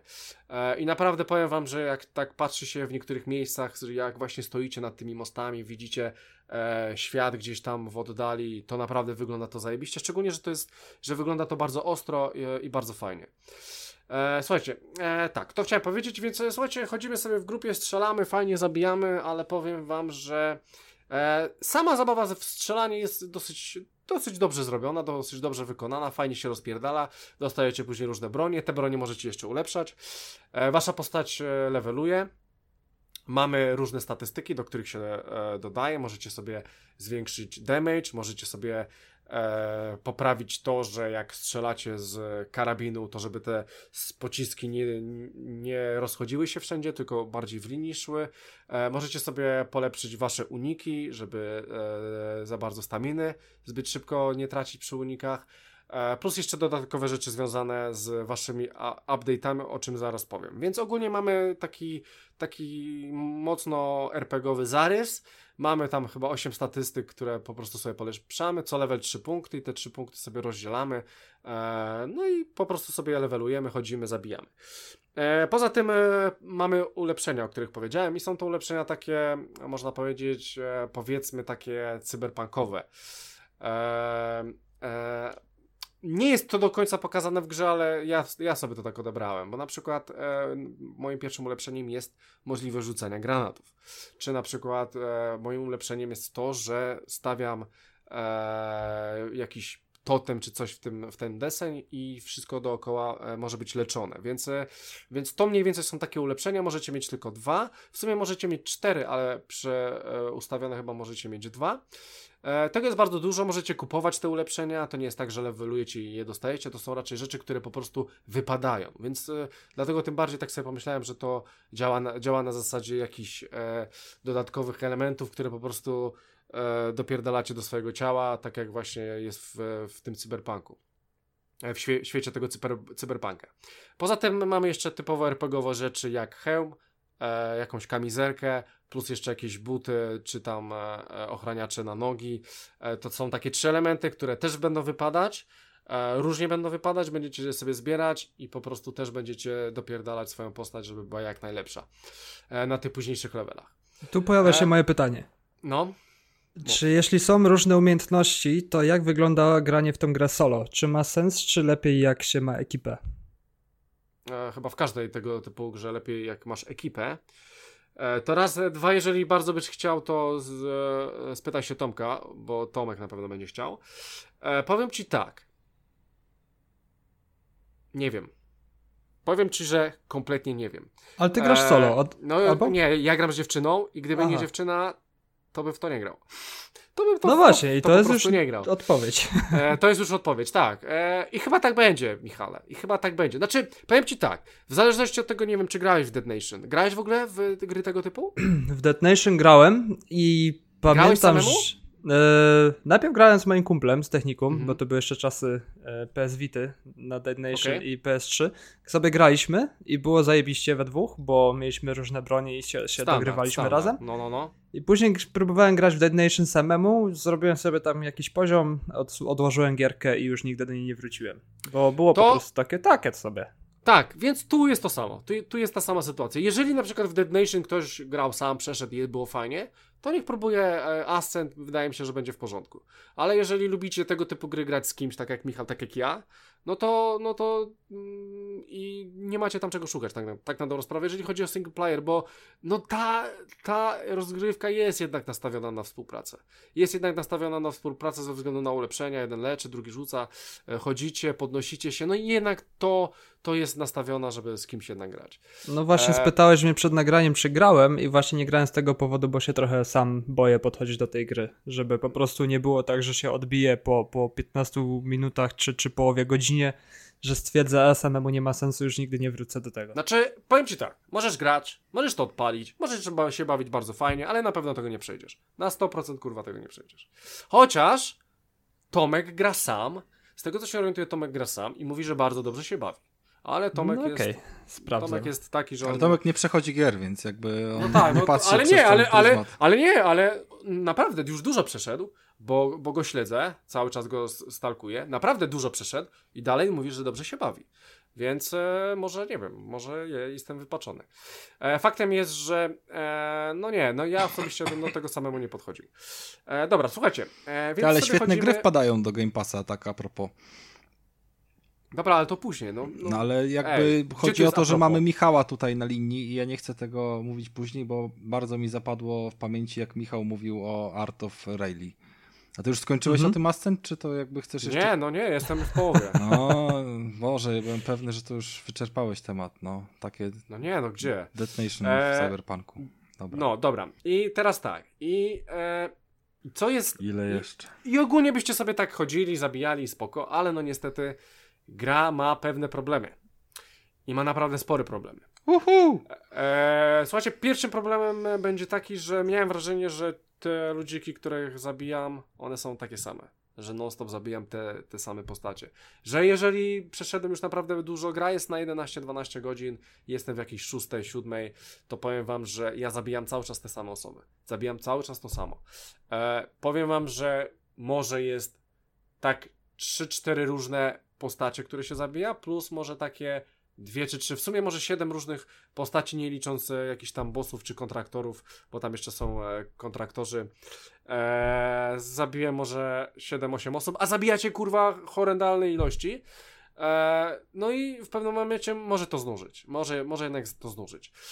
Szczególnie, że mm, gra też jest taka trochę pojebana w, w, w pewien sposób, bo macie misje główne i poboczne i robicie sobie jakąś główną, e, główną czy poboczną misję. Macie na przykład, że musicie się dostać 1000 metrów. 1000 metrów w tej grze to jest kawał, kawał drogi. Dochodzi później taksówka, możecie później taksówką jeździć i, i się tam e, e, teleportować z planszy do planszy, ale czasami jej nie macie. I bardzo często jest tak, że macie gruby backtracking w niektóre miejsca i musicie wracać w te same miejsca, zabijać te same stwory, żeby wrócić do danego miejsca, które w sumie niedawno w sumie odkryliście, albo niedawno tam byliście. I bardzo często się tak dzieje, niestety. E, bo wszystkie stwory są, wszyscy przeciwnicy są respawnowani, e, no tak jak przy ginięciu, tak jakbyście odpalali Diablo czy coś, więc, więc tam wszyscy są na nowo i wszyscy na was polują. E, więc po prostu bardzo często musicie powtarzać, e, żeby gdzieś dojść te same rzeczy i jest to dosyć średnie. E, słuchajcie, e, to chciałem powiedzieć. I kolejną rzeczą, bardzo ważną rzeczą jest to, że jest pewna wspól, wspólna cecha cyberpunku 2077 i The Ascent i to niekoniecznie cyberpunkowy klimat. Mam tu na myśli bugi. I niestety, ale w tej grze są bugi, może nie takie jak w cyberpunku, ale jednak takie bugi, które no, no już, już, już robią to, że ta rozgrywka jest niesatysfakcjonująca tak, jakbym chciał. E, bo e, do windy, jest winda i chcę tam z dziewczyną, klik, klikam na tą windę i słuchajcie, i jestem, jestem na dole. I po, robi się tak, klikam, pojawiam się na górze i winda spada w dół. No kurwa, klikam jeszcze raz, znowu pojawiam się na górze z tą windą i winda jedzie w dół. No i nie mogę się dostać na górę, co oznacza, że muszę zapierdalać dookoła, bo nie mogę się dostać na górę. Bug. E, później rozkminiłem, że jak klikam w nią i chodzę obok niej, to w pewnym momencie ona zatrybi jednak z dołu, pojadę do góry. Nie pojawię się na górze i pojadę w dół. E, więc e, jest to pewnego rodzaju błąd. E, poza tym mapa działa tragicznie. E, na ogół działa to w ten sposób, że oczywiście wybieracie sobie misję, klikacie na tą jebaną misję i pod strzałką do góry macie ścieżkę, gdzie macie iść. I idziecie pod tą ścieżkę. W pewnym momencie dochodzicie do miejsca, to się kończy i coś się kurwa zabugowuje, widzicie jakiś znacznik, nie wiecie, czy jesteście w dobrym miejscu, czy w nie w dobrym, czy coś trzeba wcześniej zrobić. Okazuje się, że w ogóle musiałem coś wcześniej zrobić. Inną misję, żeby zrobić misję, którą już dawno odblokowałem, którą, na którą sobie po prostu poszedłem.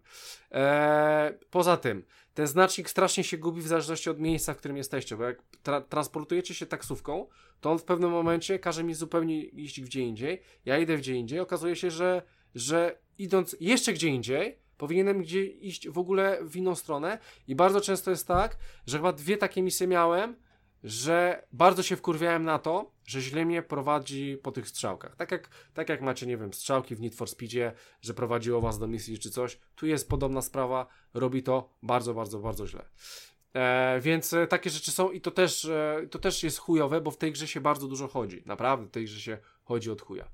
E, słuchajcie, są walki z bossami. One są dosyć ciekawe. E, nawet w jednej misji miałem tak, że trochę się w niej męczyłem. Fajna jest też kara, jeżeli chodzi o te walki z bossami, bo jeżeli boss, boss was zabije, to wracacie się chwilę przed bossem, idziecie jeszcze raz na bossa. Jeżeli znowu was zabije, to wracacie się już dużo wcześniej i musicie iść dłuższy kawał i wtedy idziecie na bossa.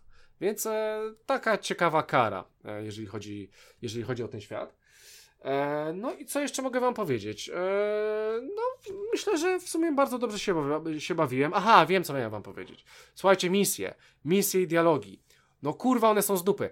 E, nie wiem, ja miałem kiedyś taki syndrom w Borderlands'e, grałem ze znajomymi Borderlands'y, to dialogi po prostu były na zasadzie skip, skip, skip, dobra, robimy misję, olewamy je. Słuchajcie, tutaj żadna misja nie ma kurwa żadnego sensu.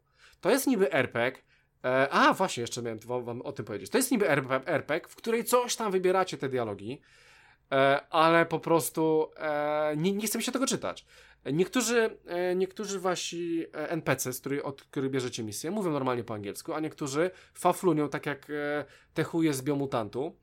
I powiem wam, że nie da się tego słuchać. Znowu jakiś jaszczur, gula, gula, gula, ble, i w ogóle go nie rozumiesz. On coś tam pierdoli. Nie chce mi się tego czytać, bo czasami pierdolą takie głupoty, że o, nie, no, musicie to zobaczyć, bo po prostu pierdolenie o Chopinie.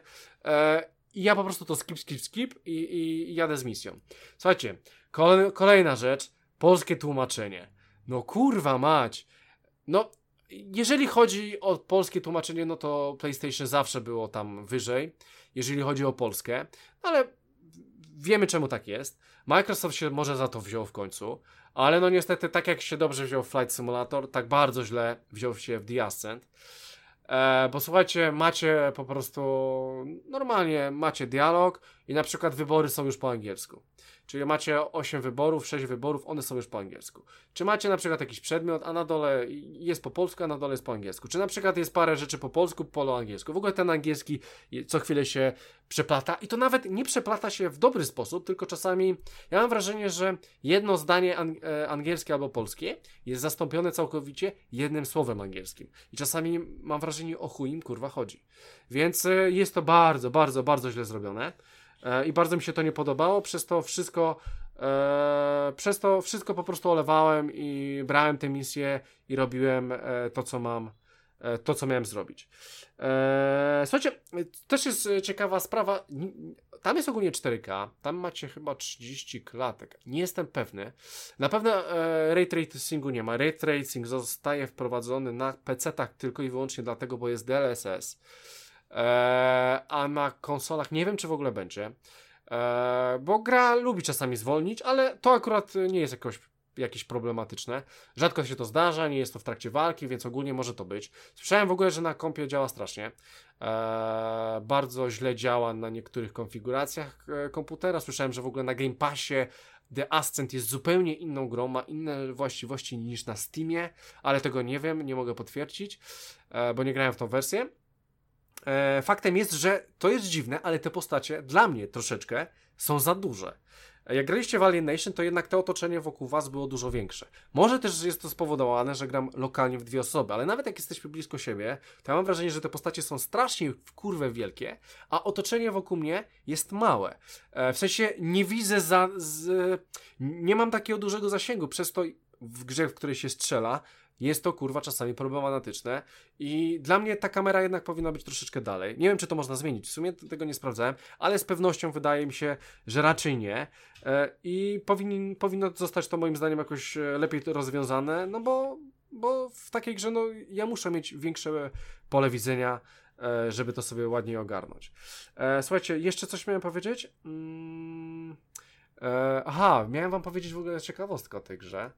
E, więc e, może zaraz do niej dojdę. E, może nie. E, słuchajcie, macie jeszcze jakieś pytania do mnie w ten, ten? Toż nie będę ukrywał, że to jest dosyć klasycznej konstrukcji tytuł i, i po prostu chyba kluczowym jego wyróżnikiem jest nowy setting, bo mieliśmy już e, takie gry w e, klimacie kosmitów, e, tak jak mówiłem, w świecie Halo, czy, czy w walce z zombiakami, tak? I po prostu to jest kolejny setting tego samego pomysłu, w którym jakieś tam mm, drobne, powiedzmy, niuanse techniczne są zmienione, ale, ale zasadniczo formuła jest ta sama i mhm. wydaje mi się, okay. że to jest ogólnie jakby temat już, taki, już. Że, że wiesz... No tak, tak, tak. E, ja jeszcze chciałem e, dopowiedzieć, Rafale, bo, e, słuchajcie, jeszcze dwie rzeczy na zakończenie chciałem powiedzieć. Wracając do pytania Michała, jeszcze dochodzi dodatkowa rzecz, niektórzy przeciwnicy. Mamy na przykład przeciwników, którzy wychodzą na ciebie, Michale, starcza, starczą. I ciężko się do niego strzela, praktycznie jest to niewykonalne, więc dobrze by było, gdyby ktoś go flankował z prawej, z lewej, od tyłu. Więc taki na przykład przeciwnik nam pokazuje, że już raczej w teamie jest to fajniejsze. Oczywiście można go tam jakoś e, dojebać w końcu, zabić i tak dalej, e, ale jednak z tym może być problem. E, to jest jedna rzecz. Kolejną rzeczą, którą chciałem powiedzieć, strzelanie. Wiemy, jak w Dead Nation to wyglądało, strzelamy, napierdalamy. Tutaj możecie się schować za osłonę, kucnąć i wychylać się z niej. Jest to automatycznie zrobione i jest to bardzo dobrze zrobione. Bo ogólnie jak strzelamy, to powiedzmy, że strzelamy w okolicach tułowia, jeżeli przytrzymamy LT bodajże, to on strzela wyżej. I czasami jak ludzie się chowają za barykadą, musicie wcisnąć LT i on strzeli wyżej. Weźmie ten pistolet wyżej i będzie wyżej strzelał. Tak w okolicach e, głowy powiedzmy. E, więc to też jest ciekawie zrobione, że można spróbować, chociaż jest trochę rozpierdol, ale można e, bawić się tymi osłonami i po prostu kitrać się zasłonami i sobie z nich wychodzić tak jak w shooterach. Możecie spróbować. E, ale po prostu rozpierdol jest gruby i jest to dosyć ciężko, ciężkie do zrobienia. Szczególnie, że ludzie lubią wychodzić z każdej strony. Idziecie do przodu, to z tyłu co, za wami kto chwilę, e, co chwilę ktoś będzie wychodził. I, e, więc są takie fale po prostu przeciwników, gdzie wychodzą z każdej strony, mm, co jest dla mnie trochę średnie. E, I słuchajcie, jeszcze na zakończenie powiem o tych misjach, że e, klimat, e, klimat jest ogólnie taki taki luźny, grubo luźny i na przykład jest misja, co się nazywa, uważajcie, no musiałem to sobie zapisać. Misja nazywa się Po same jaja. Eee, I naprawdę mam misję po same jaja i ją robię. Muszę zebrać tam jakieś jaja, muszę kogoś rozjebać, zebrać jaja, ale misja po same jaja, no to jest w pornosach. E, coś takiego bym sobie pomyślał, nie? No w pornosach bierz po same jaja, masz taką misję w Ascent. E, więc ogólnie to jest też klimat tej gry.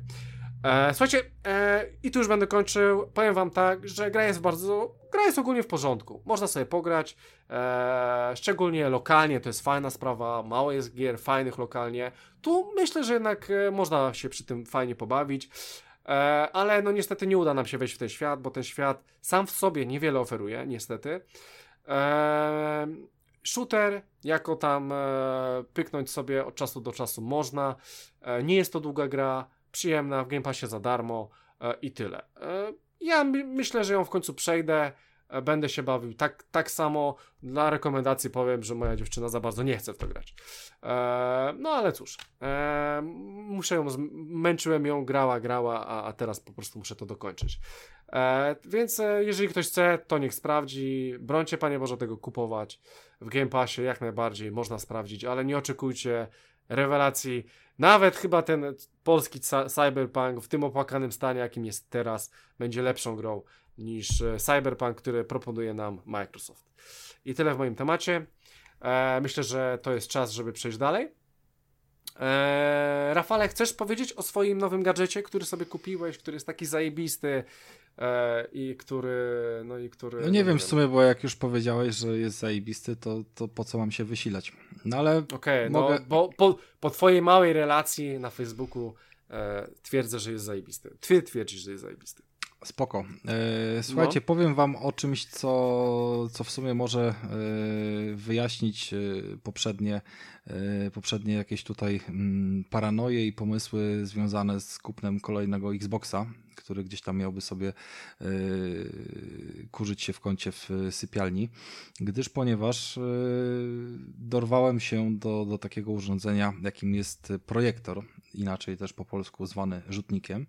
E, projektor oczywiście jest mocno przeze mnie promowanej marki Xiaomi, jest to jeden z w sumie chyba czterech czy pięciu modeli, które, mm, które oni mają.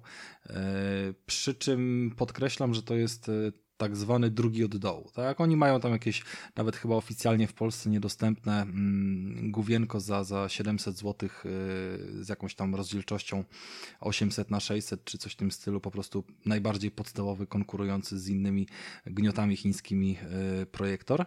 Mm, natomiast yy, drugi już od góry ten sprzęt, który kosztuje 2,5 tysiąca złotych w klasycznej jakby polskiej dystrybucji e, oficjalnej lub ewentualnie tam z kombinatoryką z AliExpress e, około 1700 złotych, przy czym tam już mamy mm, dzisiaj niestety doliczone podatki i różnego tego typu rzeczy, więc to trochę traci na opłacalności.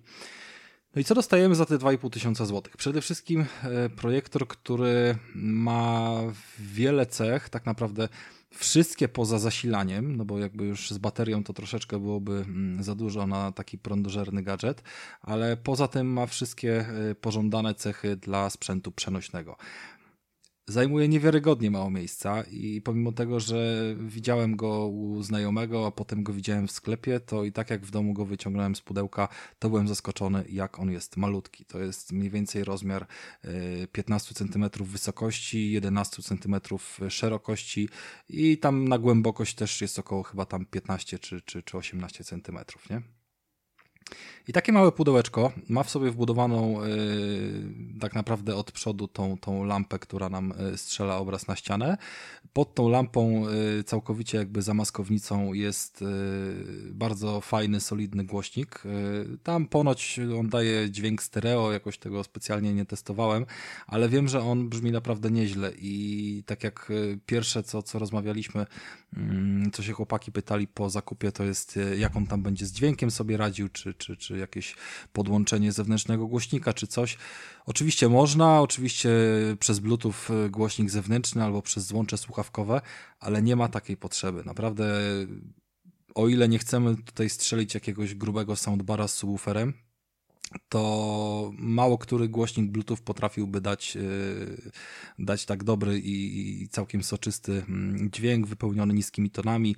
Po prostu jakby wszystkie dialogi z oglądanych przeze mnie tam filmów, seriali no brzmią tak, jakbyśmy je słuchali lepiej niż z telewizora. Tutaj nie ma piszczącego dźwięku przesyconego wysokimi tonami, tylko, tylko mamy właściwie zbalansowany może do słuchania muzyki na jakichś niskich tonach on się nie nadaje, ale jednak w zupełności do filmów jest ok. Szczególnie, że no, z uwagi na samą koncepcję rzutnika, no mamy go ustawionego nie naprzeciwko siebie, tylko często on będzie raczej gdzieś w pobliżu miejsca, gdzie sobie siedzimy, leżymy, tak, gdzieś tam nad głowami zawieszony i tak dalej, więc ten dźwięk się rozchodzi też zupełnie inaczej i to jest całkiem inny efekt. No i pod tym głośnikiem jeszcze jest takie małe ustrojstwo jak kamerka, która pozwala po prostu za każdym razem, jak on się uruchomi, yy, znaczy może nie za każdym razem, bo, bo teoretycznie, jeżeli nie jest przenoszony z miejsca na miejsce, to, to, to się nie odpala, yy, ustawianie ostrości automatyczne, tak? Czyli nie mamy żadnych pokręteł znanych z takich klasycznych rzutników, które większość z nas widziała gdzieś w jakiejś firmie czy na innych prezentacjach w szkole, tylko mamy automatyczną regulację yy, fokusa, ostrości, coś, coś podobnego jak każdy z nas ma w aparacie w smartfonie, polegające na tym, że po prostu wyświetla się przez chwilę obraz z jakimiś tam y, kółkami, kwadracikami. Ta kamerka sobie ten obraz czyta i widzi, czy jest ostry, czy nie, dostraja go i nie ma z tym najmniejszych problemów, żeby ta ostrość jakby musiała być ręcznie regulowana, więc y, powoduje, że jest praktycznie pod tym kątem bezobsługowy. No i tyle. Podłączamy kabel zasilania.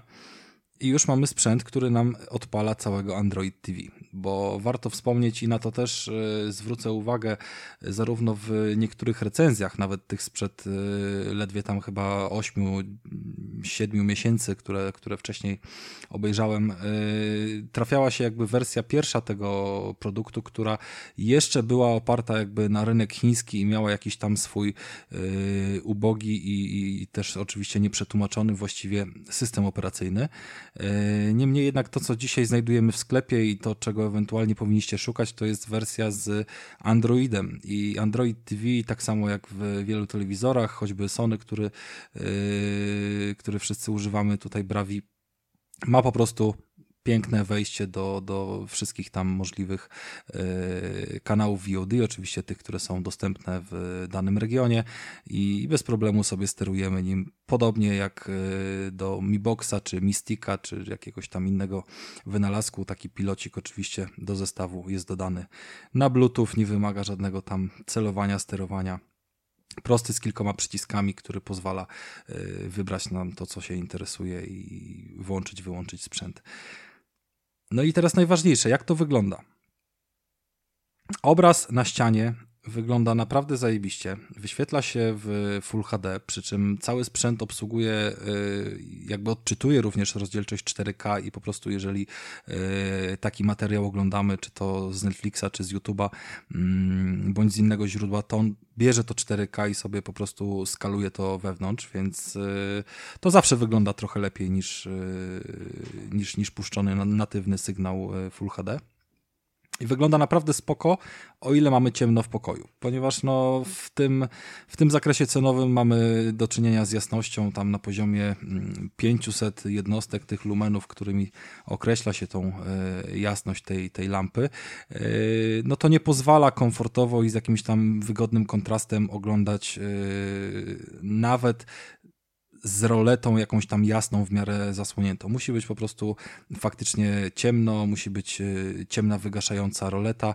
Idealny sprzęt, żeby po prostu coś przed snem sobie odpalić, obejrzeć jakiś seans na, na ścianie, tudzież jakimś tam mm, substytucie prześcieradła rozwieszonego od, od rogu do rogu.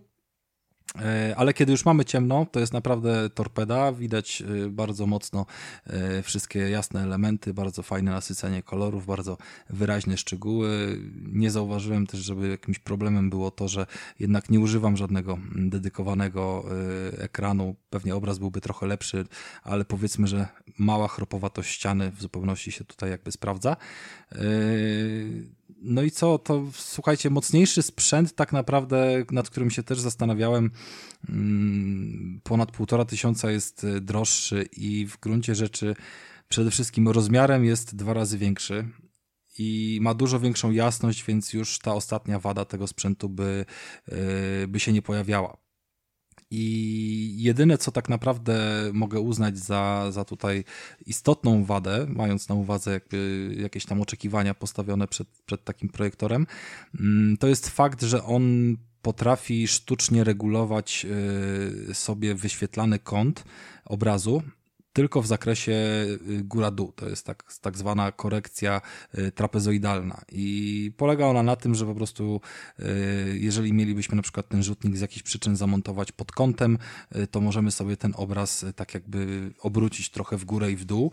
To jest oczywiście sztuczne obrócenie, tam się nic z soczewką nie dzieje i dalej jakby światło mm, delikatne idzie na cały obraz prostokątny, a ten to pochylenie trapezoidalne nam po prostu zmniejsza wyświetlany obraz w ramach tego prostokąta, który jest rzucany na ścianę, tak? Więc jest to pewne oszustwo i oczywiście rozdzielczość ekranu, czy też rzucanego obrazu tak naprawdę yy, będzie nam się wtedy zmniejszała. Natomiast ten mocniejszy sprzęt nie tylko potrafi lepiej te kwestie y, sobie rozeznać i jakoś tą soczewkę podregulować, jak również potrafi rzucać ten obraz w zakresie lewo-prawo, czyli nie musimy kombinować jak zawiesić rzutnik nad naszymi głowami, ale istnieje szansa, żeby dopasować sobie obraz również stawiając go na przykład na szafce nocnej po jednej ze stron gdzieś tam łóżka czy, czy coś w tym stylu, więc y, to było co prawda kuszące, ale, ale jednak stwierdziłem, że ta mobilność i jakby kontekst, w jakim będzie wykorzystywany, to postawię na ten sprzęt. No jestem bardzo zadowolony. Jeszcze nie testowałem y, gier i jakby tutaj samego opóźnienia, bo to wszystkich chyba też powinno w tym zakresie interesować, ale tutaj y, wesprę się mm, po prostu recenzją, która właśnie z kanału Archona była robiona i może nie są to najniższe opóźnienia, jakie, jakie można y, uzyskać, ale na pewno nie odbiegające jakimś tam y, w miarę bazowym modelom telewizorów typu tam 70-80 milisekund, więc y, o ile ktoś, ktoś nie ciśnie jakoś mocno na multi, nie potrzebuje reakcji 15 milisekundowych na, na wiecie, y, dostrzelanek, to jak na takie wykorzystanie troszeczkę bardziej doskoczne, całkiem myślę, że się sprawdzi do tych gier. No i, i, w sumie to tyle, tak? No oczywiście tam podstawową kwestią jest jeszcze jakaś tam możliwość podłączenia HDMI, możliwość podpięcia jakiegoś tam na USB dodatkowego, czy, czy zasilania, czy raczej pamięci dodatkowej i złącze na statyw, tak? Czyli można go podkręcić sobie dzięki złączu na statyw y, gwintowy w dowolnym miejscu, czy postawić, czy pod sufit i tego typu rzeczy. Mhm. E, w jakiej odległości Rafale go masz? Yy, wiesz co, dokładnie nie mierzyłem tej odległości, to są mniej więcej 3 metry i on tak do 3 metrów jest yy, powiedzmy, że rozpisywany w instrukcji. Yy, przy pełnych 3 metrach od ściany on powinien dać obraz o, o, o rozmiarze jakby przekątnej 120 cali. U mnie przy takim powiedzmy chałupniczym dosyć pomiarze, no ale jednak profesjonalną miarką z kastoramy wyszło mi około 105 cali, więc to jest jakieś tam niecałe 3 metry. A po, powiedz mi jedną rzecz. Załóżmy, że sobie go gdzieś ustalę, ustawiam, ustawiam go sobie, to i obraz jest minimalnie za duży. Czy ja mogę go sobie zmniejszyć? Czy mogę sobie zmniejszyć obraz? Yy, wiesz co, niestety nie było takiej opcji. Niestety nie było takiej opcji. Ja też wiesz, chciałem to zrobić. Wiem o co chodzi no, i jakby no, od, no, razu, no. od razu też yy, mówię. W tym momencie jakby w takim pierwszym ustawieniu yy, na szybko do, do testów y, pojawił się taki problem, że obraz y, przechodził przez żyrandol, który tam wisi i po prostu na górze tam jakieś 20 centymetrów yy, cienia się pojawiało. I żeby coś takiego zrobić i uniknąć, no to przydałoby się zrobić zoom, który załóżmy zmniejszy o 10% ten obraz, da jakąś czarną ramkę dookoła i dopasuje po prostu go do tego. Yy, niestety czegoś takiego zrobić się nie dało, ale bardzo podobny efekt yy, uzyskałem właśnie robiąc to trapezoidalne yy, pochylenie, bo jeżeli obraz idzie na ścianę i to raczej na górną połowę ściany, a patrzymy sobie na ten obraz z, z łóżka leżąc, tak, będąc jakąś tam pod kątem, to w gruncie rzeczy całkiem przyjemny jest efekt, kiedy ten obraz jest tak sztucznie pochylony. Jakby ja wiem, że ściana dalej jest pionowa, ale obraz sprawia wrażenie pochylonego w moją stronę, tak jakbyśmy telewizor mieli załóżmy o 15 stopni pochylony w dół. I siłą rzeczy on się wtedy też zmniejsza, tak, w tej, w tej ramce i powiedzmy, że y, no to jest jakieś tam mm, rozwiązanie, żeby ten obszar zmniejszyć. Natomiast no jedyne co mi przychodzi do głowy to po prostu zamontować go trochę bliżej, jeżeli on miałby się zmieścić w jakichś tam ramach, to, to wycyrklować te kilkanaście centymetrów do przodu, czy, czy coś w tym stylu. Mhm. No okej, okay. no właśnie tutaj byłem ciekaw. Jeszcze ewentualnie chciałbym się dowiedzieć, e, czy przybliżając go do ekranu, jakość tego obrazu nie będzie lepsza. Czy bardziej mi chodzi o to, czy bliższy obraz wygląda lepiej niż dalszy obraz? Mniejsze cale wyglądają lepiej niż większe cale. Nie wyglądają lepiej, po prostu masz rozdzielczość Full HD. Tak jakbyś mhm. sobie wziął y, 100-calowy ekran Full HD i 20-calowy ekran Full HD, to będziesz miał dokładnie taki sam efekt. I moim zdaniem nawet lepszy, znaczy musiałbym to porównać na takim czystym, białym, wiesz, jak kartka ekranie Dlatego, że wydaje mi się, że rzucając obraz na ścianę, która ma jakąś tam swoją chropowatość delikatną, to rzucanie go z bliska powoduje, że na jednej takiej jakiejś małej chropowatości nakłada ci się załóżmy kilkanaście pikseli. Jak y, ten obraz jest rozciągnięty do tych 120 cali, to tego efektu już nie ma. Jakby ty z tamtej odległości nie widzisz tych chropowatości i tak samo nie będziesz widział, że one jakikolwiek tam gdzieś może mm, pojedyncze piksele psują. Więc y, pod tym kątem na pewno wygląda lepiej z daleka. Ja go do konfiguracji odpalałem z bliska na ścianie i wtedy mniej więcej 30-calowy miałem e, obraz powiedzmy z, z, jakiejś odległości tam nie wiem pół metra czy, czy 70 centymetrów. No ale to kompletnie jakby mijało się z celem, tak? Tutaj między 2 a 3 metry trzeba liczyć na to, że, że on musi być od ściany oddalony i wtedy będzie dawał mm, naprawdę świetny efekt.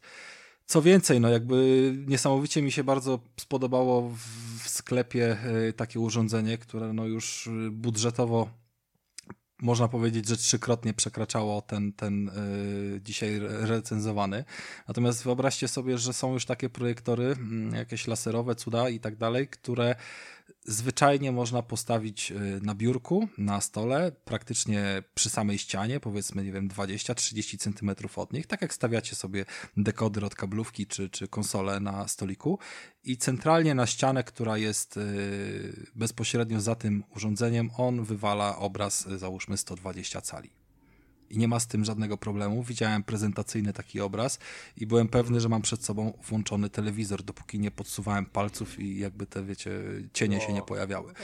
To jest coś naprawdę zajebistego, tylko no, że 7000 to już jest y, powiedzmy, że zarezerwowane pod konkretne mm, jakieś użytkowanie, tak? I wymagałoby chyba tego, że ktoś po prostu nie chce ryzykować telewizora na ścianie i dlatego chce mieć taką tylko skrzyneczkę wrzuconą pod nim, ale na pewno ciekawe.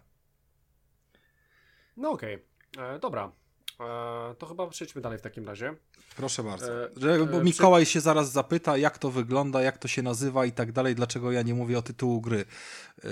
więc tak, to ma 25 różnych nazw i na każdej aukcji wszędzie, No i właśnie znajdziecie... to jest, i właśnie, i właśnie to, to jest dla mnie problem mi i tego wszystkiego, co ma mi. Nie możesz znaleźć konkretnie normalnej rzeczy, tylko musisz pisać mi projektor i masz. Oni nie mają żadnych modeli ani niczego takiego. Mają modele, wszystko jest omodelowane, ale i tak nazwa handlowa w Polsce jest inna, w Chinach jest inna, a no pierwsza wiem, wersja jest inna jest, i dlatego, dlatego wam podkreślam, że to ma być po prostu jakiś tam smart projektor, który kosztuje 2,5 tysiąca, no i tyle. No okay, jakby no, okay. zasadniczo nikt wam innego gówna w to nie wciśnie. No niby tak. Dobra, e, jedźmy dalej. Będziemy walczyć, będziemy walczyć i walczyć będziemy. Rafał też... chciał o Game Passie pogadać. Ja się tylko chciałem wtrącić, że, bo przypomniało mi się, że opowiadałeś kiedyś o mm, The Art of Rayleigh i mhm. wtedy powiedziałem, że pogram jak będzie w Game Passie i do Game Passa właśnie ma zaraz wpaść i będzie zajebistą grą w Game Passie i będę wtedy w to grał i, i to wszystko. Tam chyba będą czasówki też na odcinkach, więc możemy się tam chyba wszyscy zmierzyć, bo wow. raczej. W, w, o, znaczy wszyscy będzie... oprócz Krystiana, no doskonale Nie, wiemy. No ja że... też to odpalę. Dobra, odpalę to. Tak, żeby po prostu być na końcu listy. Odpalę. Sztuczny e, tłum. E, sztuczny tłum. Żeby, żeby tak, żeby, żeby pucharki wjechały. Trofea, dobra. E, no to zobaczymy. Zobaczymy, wyjdzie to już ma wyjść chyba, chyba zaraz, nie? Za, za tydzień albo dwa. E, no teraz zaraz... razem, razem z tymi innymi cudownymi grami, takimi jak Hades albo Passions. Mm, okay. I Skate. E, I Skate. E, tak, więc wychodzą. Dobrze, że na PlayStation nic nie wychodzi Zresztą stamtąd wszyscy już wychodzą. E, słuchajcie, e, no i e, będziemy walczyć. Michael, walczyłeś ostatnio. Powiedz nam, w co walczyłeś. Jak ci się w ogóle walczyło? Zaskakująco dobrze. Szukałem Ach, takiej gry, jaką no. jest UFC 4, bo ostatnio jak grałem w bijatyki, grałem kiedyś UFC 3, to było chwilę, ale ostatnią grą bijatyką, taką, taką boksem był Fight Night. I to nie był ten najnowszy Fight Night Champion, tylko Round 3, czy jak się nazywały. To było bardzo dawno temu, na 360 jeszcze grałem Ale on, Fight on był bardzo dobry. Boże, ja w On grałem. był zajebisty. On był zajebisty. I od tamtego czasu szukałem sobie takiej gry bijatyki e, nawalanki, że tak powiem. Nie jestem fanem Street Fighterów, Tekkenów i tak dalej. Lubię... No, ale, e, ale to, to jest trochę co innego chyba. UFC no nie, nie, ale wiesz, bijatyka też się leje po mordach, ale to jest O, sport bardziej przybliżony jak, jak piłka nożna, to ma FIFA, to ma MMA, UFC ma UFC 4. UFC ma UFC. Bardzo, bardzo fajnie. E, no i to jest taka gra, której szukałem, bo też się interesuję sportami siłowymi ostatnio, bo sam wróciłem na siłownię, treningi, dieta i, i jest grubo, więc Mhm. jest fajnie. No i Aha. no, no. no. Okej, nie, bo, bo, bo chciałem powiedzieć, że treningi fajnie, dieta, ale w końcu mógłbyś się nauczyć pływać, nie? Ale okej. no. Coraz bardziej myślę o tym, bo myślę, że to by mi się przydało w przyszłości, jeśli takie będą o, sytuacje. w miejscu, gdzie mieszkasz, to na pewno. Nigdy nie jeździłem na kajaku, więc może doświadczenie O, też by mi się proszę, takie przy... o, proszę. Nie jeździłem na kajaku, nie pływałem kajakiem, Okej. więc może też by mi się przydało, więc może gdzieś tam pływalnia wpadnie, że, że sobie popływam. No ale e, interesuje mnie też lanie po mordach i sam myślałem, żeby się zapisać do szkółki MMA, bo mamy w mieście, ale na razie jest krucho z finansami, więc z czasem, więc nie stać mnie, żeby sobie pozwolić jeszcze gdzieś tam ponaparzać się e, z innymi ludźmi u mnie w mieście, więc zasięgnąłem po UFC, żeby po prostu naparzać się z innymi siedząc w fotelu i, i nie cierpieć przez to i nie dostać, jak to mówią, skopa w ucho. no i e, zacząłem sobie tej UFC. Na początku oczywiście tworzymy sobie swoją postać. No i tworzymy postać e, waga wiek. E, waga zależy od tego, w jakiej klasie będziemy walczyć.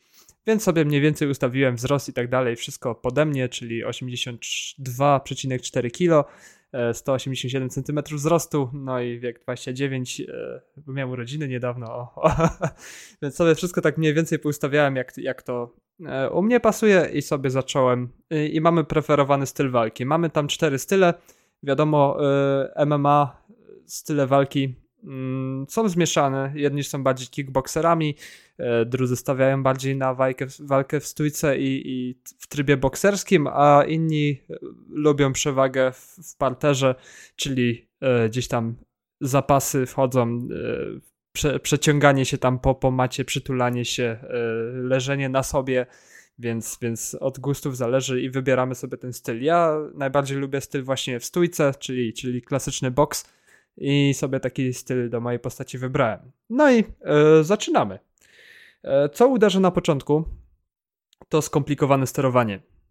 I myślałem, że mnie to przerośnie, zawsze bałem się tego w UFC, bo mamy klawiszologię, gdzie musimy, nie wiem, milion przycisków naraz e, wciskać. i Wszystkie przyciski na padzie są tak rozłożone, że wszystkie są używane i trzeba jeszcze łączyć ze sobą przyciski, dodając triggery, dodając bumpery, więc, więc kombinacja przycisków jest tam niesamowicie ogromna. Co innego jest e, kopanie, co innego jest e, uderzanie z pięści, czy to w tułów, czy to e, w głowę, czy, czy z góry uderzenia, czy, czy z dołu haki, więc każdy ma swoje, swoją kombinację przycisków, każdy cios, tak samo e, kopniaki i walka w parterze, wszystko jest obłożone inaczej, pojawiają się minigierki i, i jest naprawdę ciężko się połapać, ale nie ma co się tym przejmować, bo kampania wprowadza nas powoli w ten świat walki i z, walki na walkę są tłumaczone nam kolejne ciosy, kolejne, kolejne zagrania, które można użyć w MMA, że na końcu po tych czterech walkach mniej więcej mamy sterowanie opanowane na takim stopniu, że możemy sobie karierę e, dalej kontynuować. No i wbijamy się w ten cały świat walk e, w oktagonach, czyli, czyli w tych klatkach takich e, bardzo fajnych, prawie okrągłych. E, no i oczywiście jak to EA ma w swoim zwyczaju e, tworzenia postaci, że gdzieś tam ta, ta kampania jest prowadzona tak, że, że gdzieś tam dochodzą do nas wiadomości, mamy swój messenger, social media, pokroju Twittera, że pojawiają się wiadomości na nasz temat, że o, nie wiem, czy tam Stilo jest dobry w tym, ale wyzwał tego i tego zawodnika, więc ciekawy będzie debiut na, na scenę, więc tak jest, tak jest nakręcanie i e, co się czasem dla mnie dłuży, przed samą walką, bo chodzimy sobie z walki do walki, podpisujemy kolejne kontrakty na walki, możemy odrzucać, możemy sobie dobierać przeciwników i sobie ćwiczyć. No i od walki, co jest ciekawe, ale co się czasem duży, mamy coś takiego jak e, trening, se, tydzień treningowy, do którego, w którym przygotowujemy się, rozdając punkty. Mm, mamy określoną ilość punktów, które wykorzystujemy na przy, po prostu potrenowanie przed, przed, przed walką. No i przypuśćmy, możemy zrobić szumu w mediach, możemy tam sprowokować naszego przeciwnika i z puli 50 punktów odejmuje nam to 10. E, możemy sobie zrobić sparring na macie e, i to też kosztuje ileś punktów, że gdzieś tam formę sobie budujemy w jaki sposób chcemy do walki, czy chcemy po prostu wszystko władować w social media i sprowokować i dostać w pierdziel, czy po prostu ćwiczymy i, i sobie ugodowo żyjemy z naszym przeciwnikiem, więc, więc y, dowolność jest y, dosyć, dosyć duża i, to jest bardzo fajne. Każdy może gdzieś tam sobie swój styl postaci wypracować. Czy ktoś jest takim boomerem, który prowokuje wszystko, czy, czy miłym gościem, który gdzieś tam y, wspina się po szczeblach MMA, UFC, więc, więc jak chcemy, tak możemy sobie grać, rozwój postaci prowadzić. No i mm, przy tych treningach oczywiście następuje rozwój postaci. Jeśli dużo uderzeń, ja preferuję uderzenia od góry i uderzenia taki z dołu, więc sobie trenuję te te uderzenia e, na nogach się mniej skupiam, więc moja postać jakoś na nogach, e, jeśli chodzi o kopniaki i zagrania nogami, nie jest jakoś mocna, ale e, z pięści potrafię jebnąć tak, że, że gościu ma światło zgaszone z początku walki. No i ćwiczymy sobie staminę i wszystko, co tam, co tam się da, wytrzymałości, ciosy, uczymy się nowych ciosów.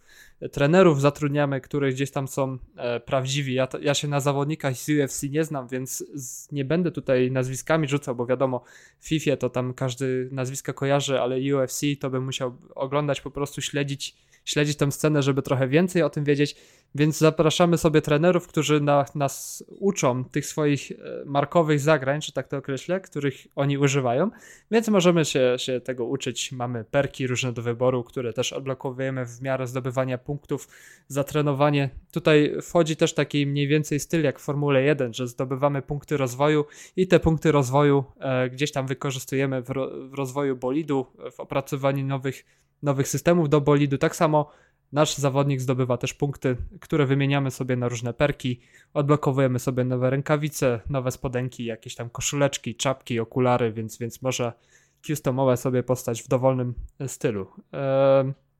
No i ruszamy. Miałem taką fajną walkę, przed którą mnie ostrzegali, bo to jest mistrz zapasów i tak dalej. Ja mówię, kurde, będzie problem. Bardzo długo się przygotowywałem do tej walki, bo myślę sobie, no to jak. Czyli jak mistrz... sam chodziłeś na siłownię, nie? No, też sam chodziłem, ćwiczyłem z, z psychologiem, żeby do tej walki podejść w no. grze jakoś, jakoś profesjonalnie. No i e, sobie wyćwiczyłem tą postać i wszyscy mi ostrzegali, nie daj się dać sprowadzić do parteru, bo on cię zniszczy w parterze. Ja mówię, no kurde, ja jestem nastawiony styl box, więc e, nie będę chciał sprowadzić się do parteru, więc już, już była taka spina. No, będzie ciężka walka, trzeba będzie się skupić. No i zaczyna się walka było coś takiego, że nie wiem, czy to był Bóg, czy po prostu jest jedna na, na milion kombinacji, w której może się coś takiego stać, ale podeszłem do gościa, e, trzymałem go na dystans, żeby mnie nie sprowadził do parteru, zrobiłem mu haka od dołu w, w brodę, on odsłonił głowę i sprzedałem mu takiego kopa, że go zgasiło. Ja, I koniec walki. Ja mówię, co? W szczenę, w szczenę, w szczenę może. Nie, kopał na ucho i, i człowiek zgaszony. No i chłop się osunął na ziemię, ja mówię, przecież dopiero minęły 3 sekundy walki, to był drugi cios. No i y, szczęście stało się takie, że pokonałem typem, typa kopem na ucho i gość się poskładał, więc, więc może to był jakiś algorytm, który o, obliczył prawdopodobieństwo uderzenia, że ten będzie jakiś critical hit przed. Zdarza się, że zawodnicy padają po prostu po jednym czasie, jeśli jest nawet w prawdziwym UFC że, że niefortunnie zostanie trafiony i, i pada na ziemię, więc, więc może coś takiego się zdarzyło. to była jedna, jedyna walka. Później musiałem się namęczyć. No i taki błąd zrobiłem, że chciałem po prostu iść na pałę, y, nie zwracając uwagi na staminę. Tego trzeba się nauczyć, takiego rytmu walki, mniej więcej sobie taktykę opracować i ja zawsze staram się trzymać na odległość, żeby nie, nie, nie, stara, nie, nie być sprowadzonym do parteru, żeby nie było przytulania, bo w tym jestem słaby, wiem, więc mam długie ręce, trzymam chłopaków na dystans i, i sprzedaję im bomby z lewej, z prawej, od dołu, od góry, e, pięść, pięściami, więc, więc taki styl walki preferuję. No i y, oczywiście uważając na staminę, bo jeśli nie ma staminy, to nasz, nasz porusza się jak zawodnik porusza się jak wóz z węglem i, i za wiele tam nie można zrobić. Więc taktyka, jakby nie patrzeć, mm, jest bardzo, pełni bardzo ważną rolę w walkach, żeby sobie to rozłożyć, bo nie wiadomo na, na jak długo będzie trwała walka i, i, może to być kilka rund, może to być e, knockout, tak jak ja zrobiłem w dwóch ciosach, więc różnie to bywa, czasem, czasem jest ciężej, czasem trzeba się napocić, no i czasem można też przegrać przez, przez jakiś błąd w taktyce, że kilka ciosów nie trafimy i to będzie na naszą niekorzyść, więc... E, gra weryfikuje bardzo szybko nasze poczynania, więc warto, warto się nauczyć. A jest nauki dużo, bo jak mówiłem, obłożenie przycisków jest dosyć skomplikowane i tak 3, 4, 5 walk e, poczułem się swobodnie, żeby sobie po prostu przystępować do kolejnej walki i, i mniej więcej e, czuć moją postać, wiedzieć na co mogę sobie pozwolić, na, na co nie. I to daje mega satysfakcję nauki tej gry.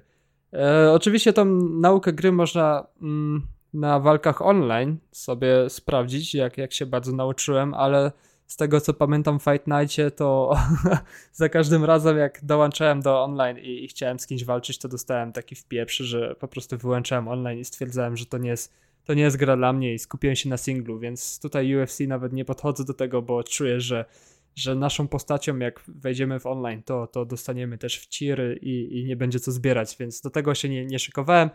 No i yy, daje satysfakcję ta gra, mega satysfakcję. Nie, to jest takie, nigdy nie grałem w takie gry w tego typu, a UFC wychodzi chyba co roku. Tak mi się wydaje, że to jest też taki od EA taka gierka, która zawsze się pojawia razem z FIFAmi, NBA, NFL-ami, NHL-ami, że to zawsze gdzieś tam się pojawia.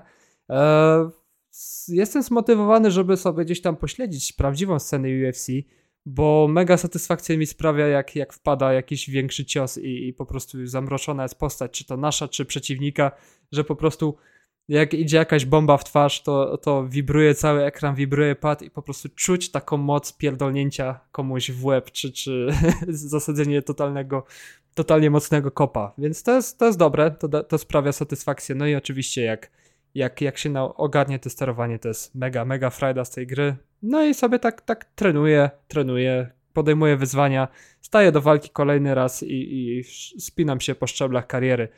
Gra zajmuje naprawdę dużo czasu, bo żeby przejść sobie całe treningi i tak dalej do, do walki, to trzeba naprawdę poświęcić sporo czasu i tutaj też podobnie to wygląda jak, jak Formule 1, że przed wyścigiem e, sobie zaliczamy te wszystkie programy treningowe i to zajmuje prawie tak samo czasu jak, jak prawdziwy wyścig, więc, więc mamy co robić w tej grze, trenujemy, rozwijamy się i, i kto chociaż trochę lubi sporty walki, to powinien spróbować, bo to jest taka gra, która naprawdę daje masę frajdy. Nawet, nawet ktoś, kto jest zielony w tym temacie, może każdy lubi gdzieś tam się wyżyć w ten sposób, więc po stresującym dniu komuś sprzedać kopa na ucho jak najbardziej warto. Tym bardziej, że jest w Game Passie. Yy, ja grałem w UFC, ale już nie pamiętam, które chyba pierwsze albo drugie. E, no jest, jest dużo do ogarnięcia. Właśnie bawi się, nie bawi się w parterze, a właśnie w parterze ile tam jest zabawy. E, w, tych... w parterze pojawiają się minigierki gdzieś tam z przepychaniem, żeby trzymać linię na a. środku i trzeba triggerami tam balansować, więc to jest, to jest dużo zabawy. Później się panczujemy z góry, z dołu.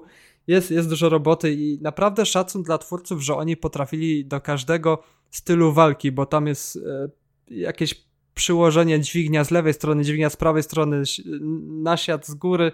Nie znam profesjonalnych określeń, bo to się wszystko ma swoje określenia. E, te, te wszystkie w parterze pozycje. Nie znam tego, ale tych pozycji jest od groma i każdy ma swoje, swoje ułożenie przycisków i to jest szacun, że, że twórcy to na takim małym padzie rozlokowali jakoś. Mhm. E, tak, ja w ogóle e, lubię takie zabawy, ale zawsze wolałem jednak box.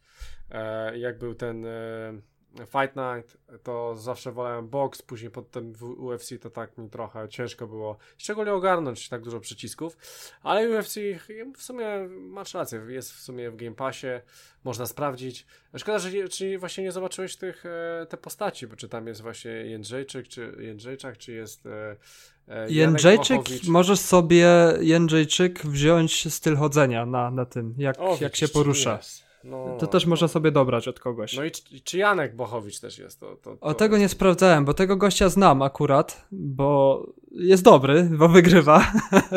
Było o nim głośno swego czasu, jest dalej, bo, bo chłop jest na fali. No jest e... właśnie na fali, jestem ciekaw jak to wygląda. Ale nie trafiłem właśnie jego nazwiska w tym UFC. Może, możliwe, że go nie było, bo wiem, że Jędrzejczyk znalazłem, bo mi od razu mignęła tam, ale Błachowicza niestety.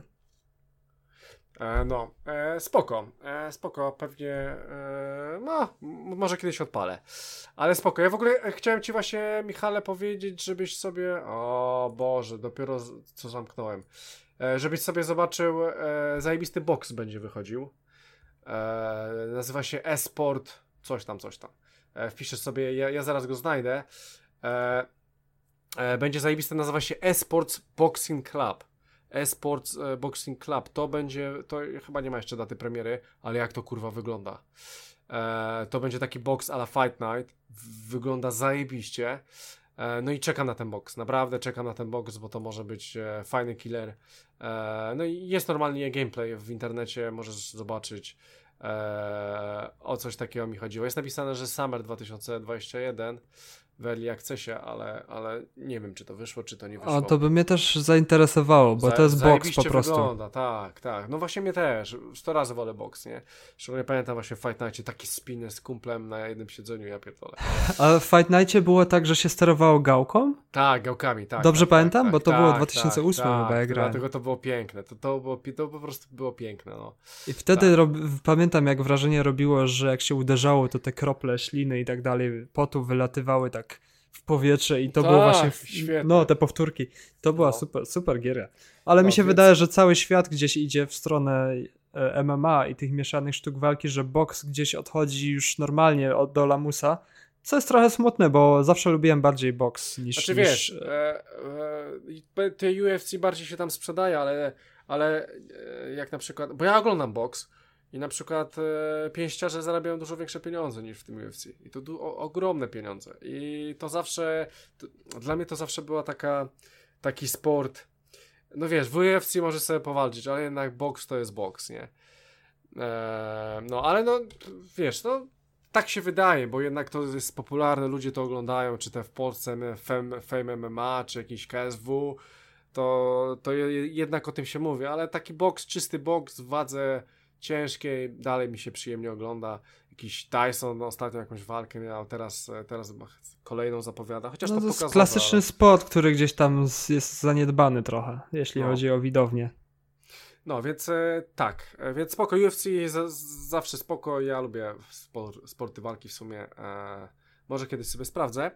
E, dobra, no myślę, że możemy przejść dalej. Czekajcie, bo chyba ktoś do nas dzwoni. Halo? Halo? Halo, halo? Tak, e, słuchajcie, teraz będzie Halo Infinite. E, miałem, miałem, miałem po prostu e, dostęp do preview, to się nazywało wersja preview. Udało mi się. E, zastanawiałem się, czemu mi się udało, bo w sumie paru osobom się udało, większości osobom się nie udało. Mi się akurat udało, byłem, zastanawiałem się czemu, no i może. Te, Słuchali nas. Te 100 godzin, może 100-150 godzin w Halo 3 swoje zrobiło, bo miałem później dłuższą przerwę od Halo ze względu na to, że byłem na, e, grałem na innej konsoli, e, nie będę podawał jej nazwy, e, a później wróciłem po prostu do, do Microsoftu. E, słuchajcie, e, więc Halo Infinite. E, pierwsza rzecz, odpalam sobie tą grę, w ogóle gra nie ma nazwy, gra ma jakiś spierdolony rysunek na konsoli, po prostu klikacie jakieś takie okno, widać, że to jest jeszcze wczesny, znaczy, że, że to jest po prostu taki właśnie wczesny e, dostęp, zero trofeów. Odpalam to, no i pierwsze co po prostu jest w Halo, czyli menu i muzyka, po której dostaje się ciarki. I tu jest tak samo. I, i jest ten sam motyw z trójki. Ten sam motyw z trójki. Nic się kurwa nie zmieniło. E, więc słuchajcie, odpalacie sobie XM, hopla, wchodzicie sobie do menu. No i słuchajcie, no i w tym menu dzieją się ciekawe rzeczy. Otóż, jak wszyscy dobrze wiemy, nowe Halo, Halo Infinite, będzie e, grą free to play, jeżeli chodzi o tryb multiplayer. E, w związku z tym, ja już miałem dostęp e, do tego e, trybu, do sezonów, można było by tak nazwać, do wszystkich kredytów, które dostaję w grze. Poza tym miałem też dostęp do sklepu, który tam był. E, więc e, tak, wchodzi to free to play, tak, będzie to wyglądało jak w innych grach, z pewnością będą sezony. E, z pewnością, e, bo tam miałem, dostałem pierwszy level, od, odblokowałem coś, drugi level, skórka, trzeci jakaś tam hajs, czwarty coś tam. Wiadomo, jak to bywa, z pewnością ci, co będą płacili, będą pewnie mieli ten sezon bardziej e, wzbogacony o dodatkowe elementy przy każdym levelu. Tak mi się wydaje, aczkolwiek tego jeszcze nie wiem, bo to, bo to była preview opcja. Co ciekawe, e, wyobraźcie sobie, że gra dała mi chyba 30 tysięcy kredytów czy ileś tam, co oznaczało, że mogłem kupić wszystko, co było w sklepie. Eee, no to fajna sprawa, no bo chcą i tak sprawdzić, jak to działa, może płatności czy coś, czy w, w sklepie płatności, czy nic tam się nie pierdoli, nie krzaczy. Więc e, mogłem kupować skórki do broni, różne jakieś tam nowe kolorki e, do naszego pancerza i tak dalej, więc to wszystko miałem, e, to wszystko mogłem kupować i oczywiście sobie kupowałem, a co tam. E, poza tym tak jak e, wrzucałem zdjęcia z Halo, możecie sobie zobaczyć na grupie bezimiennego. E, możecie sobie, będziecie mogli sobie e, waszą postać w jakiś tam sposób e, robić, edytować, zmieniać, zmieniać kolor e, waszego pancerza, e, robić, żeby ten kolor e, miał, znaczy tak, zmieniać kolor, dawać różne jakieś tam na zasadzie trzy różne kolory i macie tak jak na przykład pady są od Xboxa, że macie w różnych kolorach, trzech różnych kolorach, tak samo możecie zrobić e, ze swoją tarczą. Poza tym możecie sobie dawać różne protezy, możecie mieć rękę z protezą, prawą normalną, lewą z protezą. No po prostu jest tego od chuja, wiadomo, tak jak w tego typu grach. E, poza tym e, dochodzą jeszcze flagi, które też możecie zmieniać i poza tym wszystkie pojazdy. Pojazdy, które będą, będziecie mieli, brali udział w grze. Nie wiem, jak to będzie do końca wyglądało, bo jednak te pojazdy były w grze, ale wiem, że będzie można to też jakoś tam zmieniać. Eee, to tylko było pokazane w takiej jakby zbrojowni, ale do końca nie można było tam za bardzo nic robić. No wiadomo, eee, nie, nie było pojazdów w ogóle w demie. Eee, więc tak, więc widać e, tryb e, gra typowo nastawiona na free to playkę, dla mnie spoko. Ja myślę, że dla mnie spoko, szczególnie, że Halo miało pewien problem, kiedy ja wróciłem do piątki, e, to była pustka. To mało osób grało, wszyscy, tak mi się wydaje, e, grali w Collection. E, I w tą opcję, że macie tam nieskończoną ilość map, ludzie tworzą mapy, gracie, ble, ble.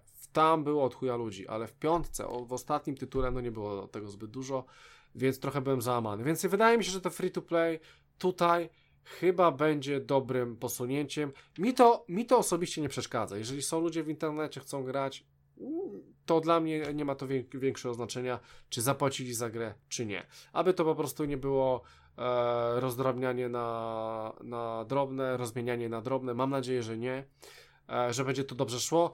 To, co zobaczyłem teraz w menu, w tych wszystkich rzeczach, wydaje się w porządku, wydaje się e, dobrze to raczej wygląda. Będzie to takie trochę chyba apexowe, wydaje mi się, czy Call of Duty, więc, więc ogólnie spoko. No i słuchajcie, e, sam gameplay. E, przede wszystkim myślałem, że będę miał dwie mapy, e, jedną mapę, miałem dwie mapy, więc zagrałem już na dwóch mapach. I powiem wam, że był problem, żeby się dostać w ogóle do tej gry. E, bo tam były specjalne czasy podane, żeby się dostać, e, że w tych czasach jest najlepiej.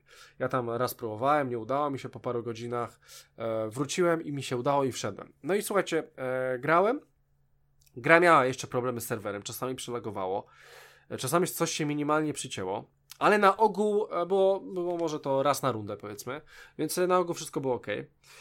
No i słuchajcie, no i co, klasyczne, stare, dobre Halo. Zaczynamy z tą samym, e, z tym samym e, karabinkie, karabinem maszynowym, z którym zawsze zaczynamy grę. E, no i popierdalamy po tej mapie i zabijamy. Mój tryb nazywał się chyba Bot Slayer, co oznaczało, że grałem w grę 4 na 4 gdzie 4 to były w mojej drużynie były, były prawdziwe osoby przeciwko czterem botom I powiem wam, że na początku, po dwóch, trzech grach, ja w dalszym ciągu nie ogarnąłem, że ja gram przeciwko botom. Bo te boty naprawdę robią kurwa robotę. No, miałem takie nawet rundy, że rozpierdalały nas grubo. I one nie robiły nie wiadomo czego, bo robiły praktycznie zawsze ten sam schemat. No ale robiły go dobrze, tak? I nie to, że oszukiwały czy coś, robiły ten sam schemat. Co, co później tylko zauważyłem, że bardzo lubiły wchodzić na mój granat. One tam odskakiwały, ale ja już tak mniej więcej wiedziałem, co zaraz będzie chciał zrobić. Granat leciał i, i zostały rozpierdalone. Więc ogólnie gra się przeciwko botom, do 50 zabić, e, taki ala Team Deathmatch. E, no i słuchajcie, feeling, jeżeli chodzi o strzelanie, no to, no to jest mistrz. No ja w Halo właśnie zawsze, zawsze uwielbiałem setting, który był dla mnie zajebisty. Ja lubię sci-fi, zawsze uwielbiałem też Killzona po, pod tym względem. E, więc tutaj super sprawa. No i tutaj mnie prostu... zawsze kupowało to, że możesz sobie wziąć normalne bronie, czyli BRK, ARK, czy, czy pistolety i też możesz sobie grać brońmi obcymi, laserkami, blasterkami. I to było tak fajnie zawsze wypośrodkowane, że każda tak. frakcja miała swoje bronie i były normalne broni i były bronie z kosmosu, więc to, to zawsze było zajebiste. No tak, i w tym, w tym trybie akurat zaczyna się tylko z tą jedną bronią, ale oczywiście parę broni w różnych miejscach są mm, porozlokowane. Z pewnością pamiętasz taką broń, która miała na sobie igły, tak jakby. I strzelała się samo naprowadzające, jak e, jeżyk. Wózkami, tak, dokładnie. I ta broń oczywiście jest, ona jest malutka. Nidler chyba się to nazywało. E, tak, ale ona jest zajebista. W ogóle kurwa uwielbiam w nią grać, bo ona przy magazynku rozpierdala. W ogóle e, ciekawa opcja jest, bo Wyobraźcie sobie, że wpierdalam cały magazynek w e, karabinie maszynowym i nie zabijam przeciwnika. Więc mój, moje strzelanie z karabinu maszynowego zawsze będzie polegało na tym, że jeżeli chcę kogoś zabić, mam taki pojedynek jeden na jeden, e, strajfujemy, to zawsze muszę zrobić reloada, żeby typa zabić. E, więc mm, nie wiem, czy to do końca jest spoko, czy to jest dobra opcja. Wolałbym jednak go na jeden magazynek zabić, ale tu zawsze wiedziałem, że będę musiał zrobić reloada i jeszcze go dobić. E, więc tak to wyglądało. Słuchajcie, tu broni było bardzo dużo. Jeżeli chodzi o, o samo to demo, było naprawdę bardzo dużo broni. Były jakieś e, shotguny, były jakieś snajperki, właśnie były, było to, co strzela łuskami, było, e, by, były jeszcze e, różne takie bronie, jakbym to powiedział, taki laserowy był, laserowa była broń. Ogólnie bronie są bardzo fajne, dobry jest ten feeling tych broni. E, większość tych starych broni zauważyłem, że po prostu została odświeżona i strzela się nimi zajebiście standardowo.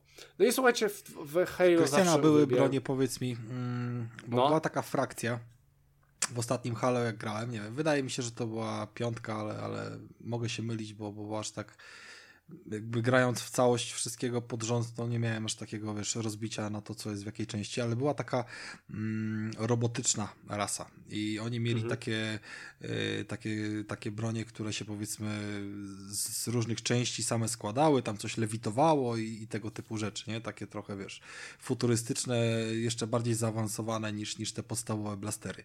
I, I to była taka trzecia frakcja tych broni, wiesz, poza, poza y, ziemskimi i obcymi typowymi. Czy one tutaj też były, czy raczej tylko te, te powiedzmy dwie eee, klasyczne? Nie wydaje mi się. Powiem ci tak, że ja w piątkę nie grałem. Jeżeli one doszły do piątki, to prawdopodobnie ja ich nie widziałem. Okay. E, a to, co widziałem e, tutaj, to mogę sobie przyrównać do trójki, bo trójka OS, o, ODST to były tytuły, w których e, e, spędziłem dziesiątki, prawie setki godzin, ponad, też tam 150 powiedzmy. E, I widziałem tylko jedną nową broń, tak na dobrą sprawę. Jaką? E, I słuchajcie, e, no właśnie to, to była taka dziwna broń. Strzelały się trzy pociski naraz w linii. Celownik twój to była taka linia, taki, taki poziomy pasek. I po prostu szły trzy pociski naraz, one się jeszcze odbijały dodatkowo. To, to było coś dziwnego, to, to trochę taki, trochę mi pod duma podchodzi. Dziwna bardzo broń. E, I ona chyba, nie wiem czy była pionowo czy poziomo, czy nawet nie można było zmieniać, że ona raz jest w pionie, raz w poziomie. E, tak dziwnie. E, więc to było dla mnie coś nowego i chyba trzy pociski naraz szły. E, więc to było dosyć ciekawe. Ale słuchajcie, e, standardowy, e, standardowy Halo. E, dodatkowo, co zauważyłem, że no są te dodatkowe rzeczy, nie? Czyli stawiamy tarczę, mamy tarczę, jest fajnie. E, czy jakieś tam granaty. No i słuchajcie, no granaty to jest Mistrzostwo Świata. Ja w ogóle tak zastanawiałem się, czy są, czy jest w jakiejś kurwa grze lepiej pokazane, e, wykorzystywane granaty, ale chyba nie. Myślę, że nie ma. się, Tam są świetnie się- zrobione granaty. w Halo plus- tak, ale, ale słuchaj, no grasz i po prostu naciskasz ten L1 na pałę, on rzuca ten granatem i on po chwili wybucha. Czy są te, te dotykowe, akurat w demie nie było tych dotykowych, ale, ale dalej je pamiętam. Po prostu, jak ja uwielbiałem po prostu strzelać i jeszcze rzucać gdzieś granat. No po prostu mistrzostw, mistrzostwo świata i zawsze uwielbiałem te granaty w Halo. I przede wszystkim ich Zawsze- dużo było, bo one bardzo często wyskakiwały Dużo, z tak, wrogów tak. i zawsze sobie jeden czy dwa uzupełniałeś do amunicji. To też nie jest taki. I cztery rodzaje. Cztery rodzaje E- były tam zwykłe wybuchowe, były te plazmowe, były przylepne i czwartego nie pamiętam. Taki energetyczny, co tworzył pole takie. Okej, było, tak, tak, właśnie do tych chyba wrogów potrzebnych, którzy byli w tej części, o której mówiłem, że oni potrzebowali takiego kopa energetycznego, żeby stać się wrażliwymi na strzały. Coś, coś było w ten deseń. Mhm. E, bardzo możliwe. E, faktem jest, że ogólnie to wszystko tutaj jest i to wszystko jest znajome i fajnie się w tym poruszamy i fajnie w tym jesteśmy. Graficznie. E, no właśnie teraz przechodzę do grafiki. Więc słuchajcie, graficznie jest, wydaje mi się, że jest w porządku. E, dupy to nie urywa, e, to dupy raczej nie urwie, ale e, umówmy się, Halo nigdy nie było ładną grą. W sensie, jak odpaliłem kiedyś Gears 1, a później Halo 3, no to dla mnie to, to była do, dosyć duża różnica. I Halo nigdy graficznie nie, nie rozpierdalało systemu i teraz będzie tak, tak samo. Ogólnie, gra jest ładna. Mogę powiedzieć szczerze, że jest ładna. Gra, mamy te 60 klatek. Jest to w kurwę ostra gra. W, sensie- w, se- w, w, sensie, że wszystkie, całe to otoczenie, które jest, te wszystkie budynki i tak dalej, one są w kurwę ostre. Napisy, wszystko to ładnie wygląda. E, ale jakichś tam efektów cząsteczkowych, dziwnych, nie wiadomo co, nie ma. Co ciekawe, ciekawy jest bardzo ogień z tego, z tych wszystkich granatów, z tego wszystkiego, bo ogień stara by się. Cze- musielibyście to zobaczyć, ale ogień stara się być taki trochę e, realistyczny, ale taki fotorealistyczny wręcz bym powiedział. E, dziwnie to wygląda. E, dobrze to wygląda, aczkolwiek e, jest. m- Może, mógłbym nawet powiedzieć, że jest troszeczkę taki w stylistyce Hal- Halo, ale ogólnie jest dziwne. Ogólnie jest dziwne. Tak zacząłem, kurde, dziwny ten ogień. Właśnie Halo ma E, stylistykę kolorowych e, laserków przy każdej jakby innej broni i taki, taki ogień może faktycznie tutaj Dziwne, dziwne, no. E, tak, e, więc słuchajcie, ogólnie jest, tak jak powiedziałem, jest ostro. Jeżeli chodzi o ray tracing, to nie wiem, czy jest. Na pewno w grze będzie, ale ja nie zaobserwowałem go w tym demie. E, wydaje mi się, że, że nawet e, nie muszą go na razie odpalać. W sensie, że nie było potrzeby z pewnością sprawdzać ten element. Więc e, póki co ja e, tutaj e, ray tracingu nie, nie odkryłem. Następnego dnia sobie zagrałem, miałem inną mapę, bo jednego dnia była tylko jedna mapa. Drugiego dnia była zupełnie inna mapa, miałem już mapę zamkniętą, nie miałem, bo w jednej miałem, byłem na zewnątrz, była sobie jakaś tam trawka, ładnie to wyglądało, nie powiem, czy to by nie uciągnęło PS, e, Boże PS4, to na pewno nie, ale e, Xbox One stary czy coś, to, wy, to wychodzi dobrze, wiemy na Xboxie One, możecie sobie zobaczyć jak to wygląda, nie będzie wyglądało to tak źle, e, wbrew pozorom, E, No jest tutaj wszystko po prostu to żywsze, lepiej to wygląda, lepsze oświetlenie. E, No wydaje mi się, że jeżeli to ma stanąć w szranki teraz z Battlefieldem nowym, no to Battlefield y, będzie ładniejszy, tak? E, No nie oszukujmy się. Szkoda, że tej piątki pos- nie pobrałeś, żeby chociaż jakoś Nie, ja pobrałem piątkę, No. powiem ci tak, okej, pobrałem piątkę, pograłem w demo, pograłem online i stwierdziłem, że ta grafika jest średnia. Jest po prostu średnia, ale grałem tylko w online. Wiem, że kampanie w Halo zawsze wyglądały dużo lepiej. To wiem, ale, ale po prostu online w Halo 5 było mech. Graficznie, graficznie. Ja mówię tylko i wyłącznie o graficznie. A kampanii nie odpalałeś. No nie, w sumie nie było odpalam. sensu, bo tutaj też nie wiadomo, co kampania zaoferuje. Tam jakby mają Tak. bardzo prostą rozpiskę Więc, e, więc powiem wam tak, że jeżeli zobaczylibyście, bo ja w ogóle patrzę tak na swoje screeny e, z gry i tak powiem, kurczę, oświetlenie ładne i tak dalej, no ładnie to wygląda, no kurczę, ładnie to wygląda e, i ogólnie to będzie tak w miarę ładnie wyglądało, ale to nie będzie gra, która dup, dupę urwie graficznie. To na pewno nie. To będzie solidnie, fajnie wyglądało, ładne będzie oświetlenia, cienie, bla i tak dalej. Ale no graficznie to dupy nie urwie, to nie będą Gearsy. E, Nie wiem, co de, de, nowi twórcy Gearsów, Gearsy robią, wrzucili filmik z Unreal'a 5, na pewno to będzie rozpierdalało system. E, No i wiadomo, tu ma, będą duże walki, ja liczę na jakieś duże mapy, 64, o, to tak, tak bym chciał, no 128 to może nie, dla mnie w ogóle to jest przegięcie 128. E, Grałem kiedyś w Maga, nie wiem, czy pamiętacie taką grę, no O przecież Jezu. tam, tam, tam połowy ludzi to w ogóle nie widziałeś w tej grze, więc bez sensu. A grałeś rundy po 45 minut. E, no nieważne. E, powiem wam tak, to jest bardzo fajne Halo.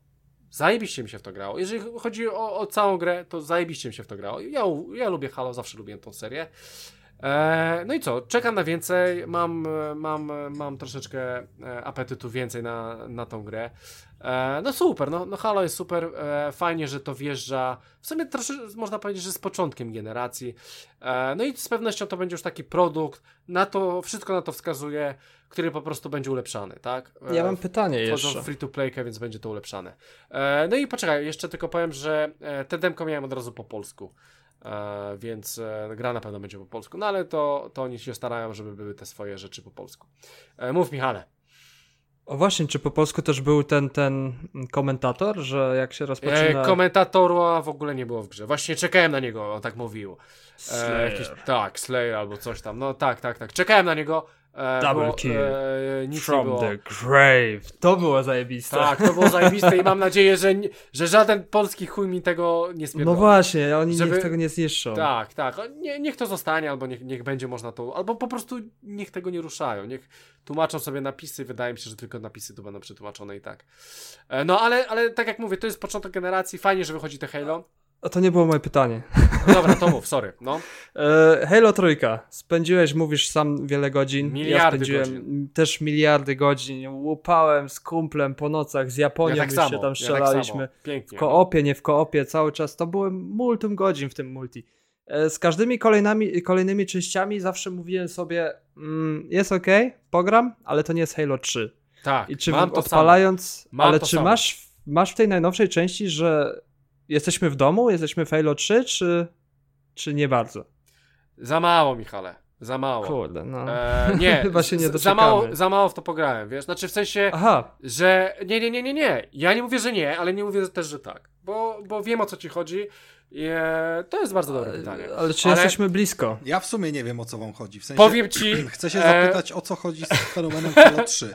Bo to mnie naprawdę interesuje. Jakby, jaki Ale jest... czy to jest Mesjasz koń Mesjasz. zwalony? Nie, to, to trzeba No było dobra, ale pograć. dlaczego on jest taki, tak, takim wyróżnikiem, skoro no jeszcze potem Halo- wyszła tam czwórka i piątka? Halo 3 miało niesamowicie dobrze zbalansowaną rozgrywkę, jeśli chodzi o multiplayer, Wszystko. jeśli chodzi o, platf- o e-sport i tak dalej. Wszystko, wszystkie bronie były dopicowane na, na najwyższy poziom. E, super było wyrównane to, ile trzeba wpakować kogoś, żeby go zabić, czy dobić z łokcia, czy, czy z granatów. Wszystko było dopięte na ostatni guzik, jeśli chodzi o, o balans rozgrywki i to był niesamowity fan.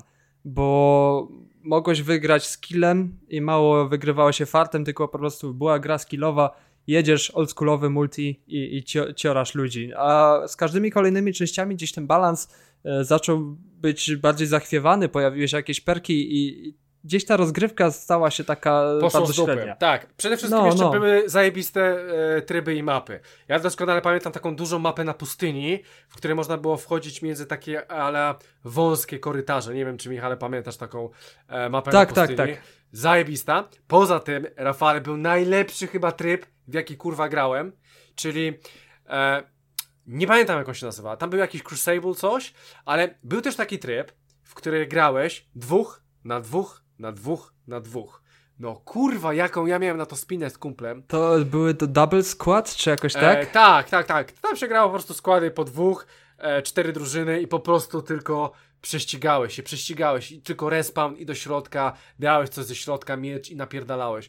I po prostu, no, ten feeling cały, e, Rafał, jakbyś tak pograł, pograł na przykład z kimś. Ja akurat miałem fajny, dobrego kumpla, z którym, z którym grałem i po prostu wje, wjeżdżałem w te, w te Halo i Halo jest ogólnie mocno skillową grą. To jest, to tutaj trzeba, Tutaj widać, jak ktoś jest słaby, jak, y, czy nie jest słaby. Tutaj nie wejdziesz do gry i będziesz pierwszy. Nie ma kurwa takiej opcji. Nie, nawet nie wiem, czy w połowie będziesz, jak nie grałeś w shootery.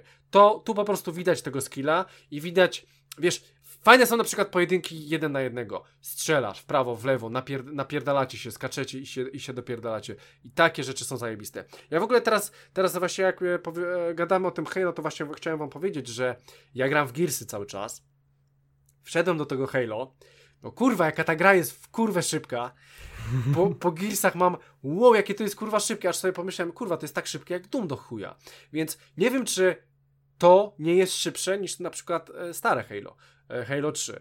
E, mam wrażenie, że tutaj minimalnie prędkość została delikatnie podkręcona i gra się szybciej. Wszystko jest szybciej. W sensie, że ty chodzisz szybciej, szybciej strzelasz, szybciej odskakujesz. Jest minimalnie szybciej. E, więc to zauważyłem. E, no, Rafale, no po prostu trzeba, trzeba było być w tej epoce, w której się grało w trójkę Eee, nie, spoko, ale jakby wiesz, moje pytanie też, też nie było jakby to pozbawione... ciężko wytłumaczyć takiego... No ja wiem, ale... No, ciężko wytłumaczyć, bo to jest raczej też dużo wspomnień, które łączy się z Halo Trójką, bo jak ja myślę Halo Trójkę to jest właśnie zarywanie nocy, no Pizza kurde. z kumplem na jednym ekranie i puszczanie bąków w krzesło. No I właśnie. To jest jeszcze, taka, jeszcze taka noc. Tak, jeszcze trzeba pamiętać, że tam chyba nawet online mogłeś grać na jednym ekranie. Tak, przez to, przez to zarywaliśmy nocki co weekend. Może to, I to też było był taki Rafale game changer. Wiesz, że ludzie jednak w to, w to, grali, bo wiesz, no odpalamy na moim telewizorze i gramy tylko 2-3 godziny na podzielonym ekranie, nie? A no w żadnym Battlefieldzie czy w Call of Duty tak kurwa nie zrobisz niestety. Ja... Chociaż kiedyś w Call of Duty moż, mogłeś tak zrobić, bo grałem na przykład w coś takiego. Ja słuchajcie, w Halo Multi żadne nie grałem, ale przechodząc sobie całą mm, wszystkie tam kampanie odświeżone, całe, yy, całą kolekcję, to mhm pamiętam bardzo dobrze swoje odczucia, że no dobra, jedynka, dwójka zostały wspaniale odświeżone, jeżeli chodzi o grafikę, nawet tam na nowo filmiki nagrane, mówiłem o tym kiedyś, ale mhm. wciąż jakby jedynka, dwójka to był ten stary silnik, który pamiętał y, czasy 2001 roku, czy, czy co, jego okolic i dopiero odpalenie Halo trójki pokazało, że to jest całkowicie nowa jakby jakość y, graficzna gry i, i, po prostu tamten świat już był taki, wiesz, mocno wypełniony, jakaś roślinność i tego typu rzeczy. I czwórka i piątka stanowiły tylko rozwinięcie tego etapu. To było coś w stylu przeskok z PSX-a na PS2, a potem to no. już taki rozwój, powiedzmy, tylko wiesz, a no, wyższa rozdzielczość, tylko... a to coś w tym stylu i tak dalej. I zastanawiam się, czy to też troszeczkę jakby fenomenu Halo 3 nie podciągnęło, że, że on jest jakby, wiesz, yy, graficznie wsadzony w tym samym punkcie, co powiedzmy, wiesz, pierwszy Uncharted, tak, które pokazało, jak mogą takie gry wyglądać. Ale ja dalej twierdzę, Rafale, że Halo 3 nie, nie wyglądało nie wiadomo jak. To raz. No ale w e, kontekście na... jedynki i dwójki wyglądało zjawiskowo. W kontekście tak, tylko że bierz pod uwagę, że dwójka, na przykład jedynka, dwójka, one wychodziły e, na starego Xboxa. No właśnie o tym mówię. wyszło na, na 360, więc już mamy nową generację. Dokładnie. E, więc e, no to, to mogła być ta różnica. Ja myślę, że Halo nigdy w grafikę nie szło, dla mnie. E, szczególnie, że jak nawet e, zapamiętam sobie te mapy, to te mapy na ogół były puste. W sensie, że jak nawet walczyło się w tych korytarzach, chodziło się po tych mapach i tak dalej, to one na ogół były puste. Miałeś korytarze, może w nich praktycznie nic nie było. Nie one nie miały rozpraszać, one miały powodować, tak. że ty przebiegasz przez nie, a nie się zatrzymujesz podziwiać obrazki, więc Dokładnie, to, więc, to, to się z więc, tym zgadzam. Więc, więc e, nie, Halo, dla mnie Halo nigdy nie szło w grafikę. Halo po prostu było zajebistym multiplayerem i tam jeszcze pamiętaj, że te duże walki, tam jeszcze dochodziły pojazdy, e, dochodziły jakieś tam e, e takie większe czołgi też. E, więc, więc to, to była po prostu super gra i ona miała właśnie zajebiste tryby, które chyba nigdy, nigdzie nie było, bo nie pamiętam trybu e, w tamtych czasach w Halo 3, żebym mógł grać w teamie i były, i po prostu grało się, tak jak powiedziałem, 2 versus 2 i tak dalej. E, nie pamiętam takiego trybu. Więc e, Halo po prostu było super. Więc e, jeżeli odpowiadając Ci, Michale, na, na Twoje pytanie, to nie powiem Ci, ze względu na to, że miałem jeden tryb i to z botami, na dosyć małych mapach. Więc e, nie wiem. Powiem ci tylko, że feeling jest fajny i, i po prostu mam ochotę. E, nie, może inaczej. Mam bar miałem bardzo dużo. E, miałem bardzo dużo przerwy od Gearsów e, i bardzo dużą przerwę od Halo. W Gearsy czwórkę w ogóle olałem. W ogóle w to nie grałem. Nie, nie miałem Xboxa. E, teraz nadrabiam piątką. E, czy ta piątka jest dobra, czy niedobra, ja się bawię świetnie. I z Halo będzie to samo. ja mam bardzo dużą przerwę od trójki. Tak na dobrą sprawę, no dodatków ODST, e, tak na dobrą sprawę. E, I mam dużą przerwę, więc w nowe Halo na pewno będę grał i na pewno będę się bawił świetnie. E, czy to będzie nowa trójka? Nie wiem. E, myślę, że zobaczymy. Zobaczymy, co ten multiplayer przyniesie więcej, jakie będą te tryby, jak to wszystko będzie działało, wyglądało e, i tak dalej, i tak dalej. E, ale, ale wygląda to fajnie i myślę, myślę, że ta ostrość, cała ta ostrość w tej grze robi mi, że ta grafika jest jednak fajna i przyjemnie mi się Możliwe, że oni A wiesz, jak będzie, ustawili to trochę, zobaczymy. trochę dalszy punkt y, wczytywania tych tekstur, nie? Wyższej rozdzielczości kosztem jakiegoś choćby tego ray tracingu i, i przez to ta gra no, wygląda jak żyleta. No tak, tylko że bierz też pod uwagę, Rafale, że mapy są małe, więc tam, tam nie mam Nie takich no, jakby ja rozumiem, ale jakby wiesz, wiesz o co chodzi. Wiesz- Jakby grasz w byle No jakie wyścigi, no wiem, to co wiem, z tego, wiem. że ty widzisz asfalt, każdą kropeczkę asfaltu przy kołach samochodu, jak y, 20 metrów przed samochodem to się rozmywa, bo już się wczytuje zastępcza tekstura, nie? Więc ten punkt mm, bardzo, bardzo jest istotny, w którym momencie ta grafika się pogarsza, bo nie oszukujmy się, w każdej grze się pogarsza. To jest jeden z najlepszych wynalazków programistów. Y, dobra, No tak. mam na zakończenie Więc- dwa pytania. Jeżeli Więc, już e, powiedziałeś co najważniejsze. No dobra, dobra, dobra. No znaczy, powiem tylko tak, że summa summarum, mm, te Halo wygląda bardzo obiecująco e, i na, per, na, na pewno online'owo będzie dobre, bardzo dobre, może być zajebiste i może być, będzie zajebiste. Okej. Ja się jaram.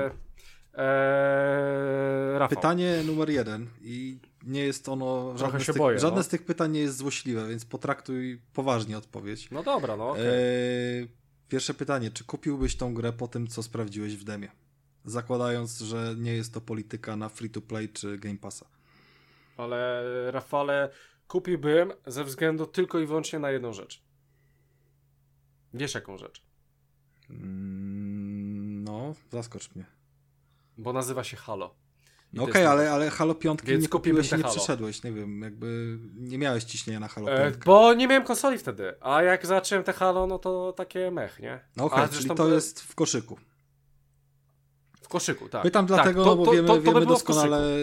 Pamiętamy Michała, który kupił sobie Gearsy chyba nawet w jakiejś tam edycji specjalnej, pomimo, że ma Game Passa, bo po prostu musiał je mieć, bo kocha Gearsy, no więc jakby No i z Halo będzie to samo. z Halo będzie Ja to właśnie, a ja, a ja pomyślałem o tym samym. No. Właśnie, właśnie, właśnie po jakimś czasie pomyślałem, kurwa, może bym sobie przepierdolił Halo. Pomimo tego, kurwa, że i tak będę go miał za darmo, ale bym sobie kupił Halo po prostu. I to No, najlepiej z ja jakimś, to kurwa, rozumiem. Master Chiefem, który będzie stał i po prostu koło, koło playki piątki z wyjebanymi jajami na nią. O, takiego bym chciał na przykład. Dla samej muzyczki w menu warto 100 euro wydać na Muzyka jest genialna, ale to taką samą opcję miałem z Killzone'em.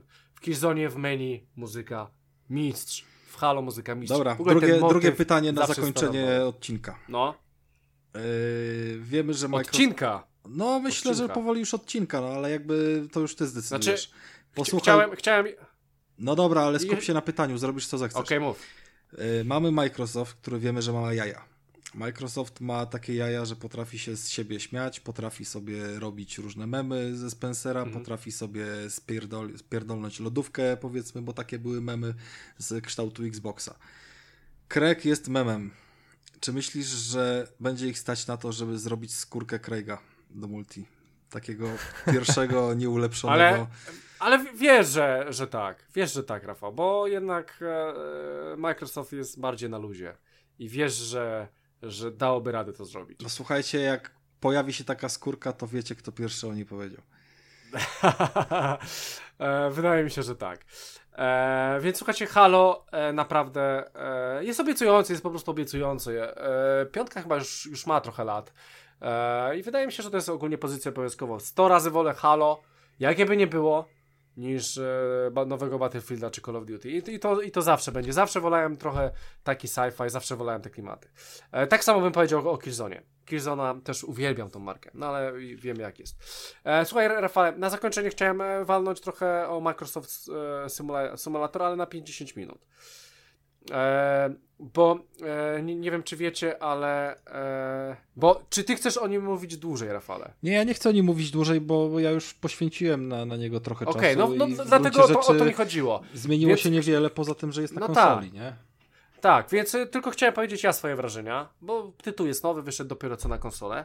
E, więc y, powiem wam tak, e, że Eee, przede wszystkim zajebiście to wygląda. Te modele samolotów naprawdę są zrobione przekuresko, szczególnie w środku.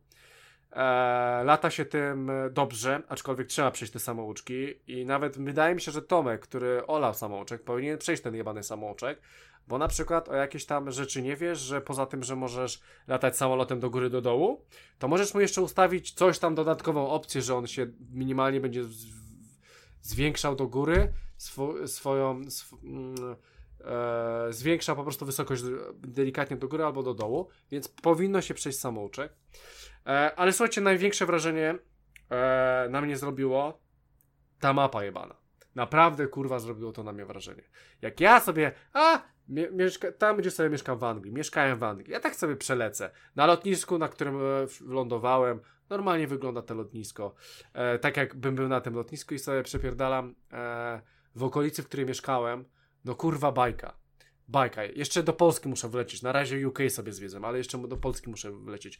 No jak to kurwa jest zrobione? Ja rozumiem, że, że tego tam nie ma do końca takich elementów stricte jeden do jednego, bo jest to faktycznie wzięte z Google Maps. Ja jeszcze w ogóle ściągam, jest aktualizacja do UK 6 giga, która robi, że te modele wyglądają jeszcze lepiej. Tej mapy.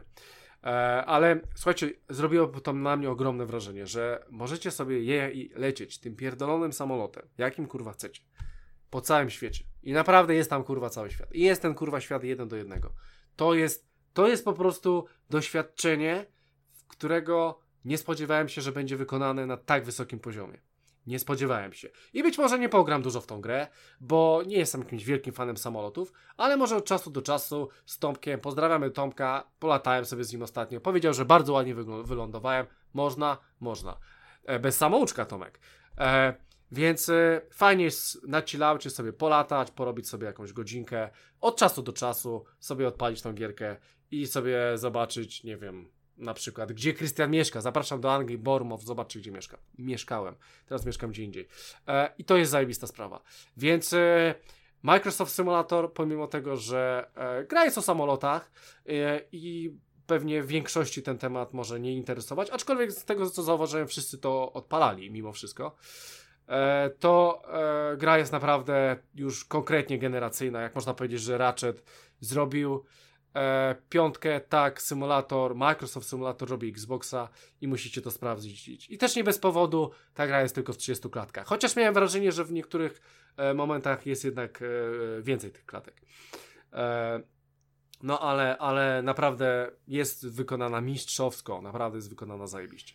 Ja jestem, ja jestem zaskoczony, że, że, że w gruncie rzeczy, znaczy to pokazuje poniekąd, y, gdzie tak naprawdę Game Pass ma y, jaja zawieszone i, i one są ewidentnie wciąż przy konsolach i chyba, chyba nie powinien Microsoft o tym zapominać, bo no Flying Simulator na PC-tach jak się pojawił, to wcale nie było o nim tak głośno. Jakby nie, nie było tego czuć wśród znajomych, w social mediach i tak dalej. I wiecie, próg może wejścia i był wysoki, jeżeli chodzi o wy, wymagania, tak? Ja na swoim laptopie to czułem się, jakbym odrzutowiec miał przed sobą na biurku, bo nakurwiał bardziej niż PS Pro i się sam suwał po biurku z, z tych wentylatorów, ale nie zmienia to faktu, że wciąż się odpalał i, i to w gruncie rzeczy nawet nie w 30 klatkach, tylko trochę więcej i, i to dawało radę, no więc jakby Wtedy było o tym cicho, a teraz, y, teraz cicho nie jest, jest głośno, bo, bo gra się pojawiła na konsolach. I to pokazuje, jak dużo jest nowych Xboxów. Tak w poprawdzie. No jest. Bo w gruncie jest, rzeczy jest. tylko, tylko nowi, jakby nowa generacja ma, ma gdzieś tam do tego dostęp. No, Raf, e, Michał chyba nie może ograć tego, Nie no, wiem. Michał nie, nie może, Mikołaj nie też. może. Właśnie ja też jestem świadomy tego, ile osób y, ma to zablokowane, gdzieś tam wciąż dostęp do tego, a mimo to y, mimo to jest bardzo głośno i gdzieś tam dużo się y, mówi o tej dostępności, więc to, to chyba gdzieś tam dobrze świadczy, że, że jednak Xbox zdobywa sobie jakieś tam mm, swoje tereny No w tak, tak, tak. E, Wiadomo co robi. Zobaczymy jak to będzie szło. E, fajnie, fajnie, że to się rozwija, fajnie, że pompują w te studia, w te wszystkie studia, e, które są. E, zobaczymy, nie? E, wygląda to obiecująco, a ja myślę, że w sumie każdy, kto ma Xbox, powinien sobie odpalić Microsoft Simulator, tak po prostu, żeby sobie polatać, bo ja na początku miałem na to wyjebane, ale tak chyba Tomek najbardziej nakręcał, jebany, bo co chwilę wysyła jakieś wiadomości, gdzie on kurwa jest, gdzie on jest. No i to, no i w końcu postanowiłem ściągnąć i bardzo dobrze zrobiłem. E, więc, więc naprawdę bardzo fajny ekskluzyw w końcu od e, Microsoftu. Ascent niestety nie pykło, ale Microsoft wow, symulator latanie jest zawsze na propsie. E, dobra, słuchajcie, e, słuchajcie, my też będziemy lecieć, e, będziemy kończyć. Więc standardowo 190 e, odcinek e, dobiegnie już w tym momencie końca.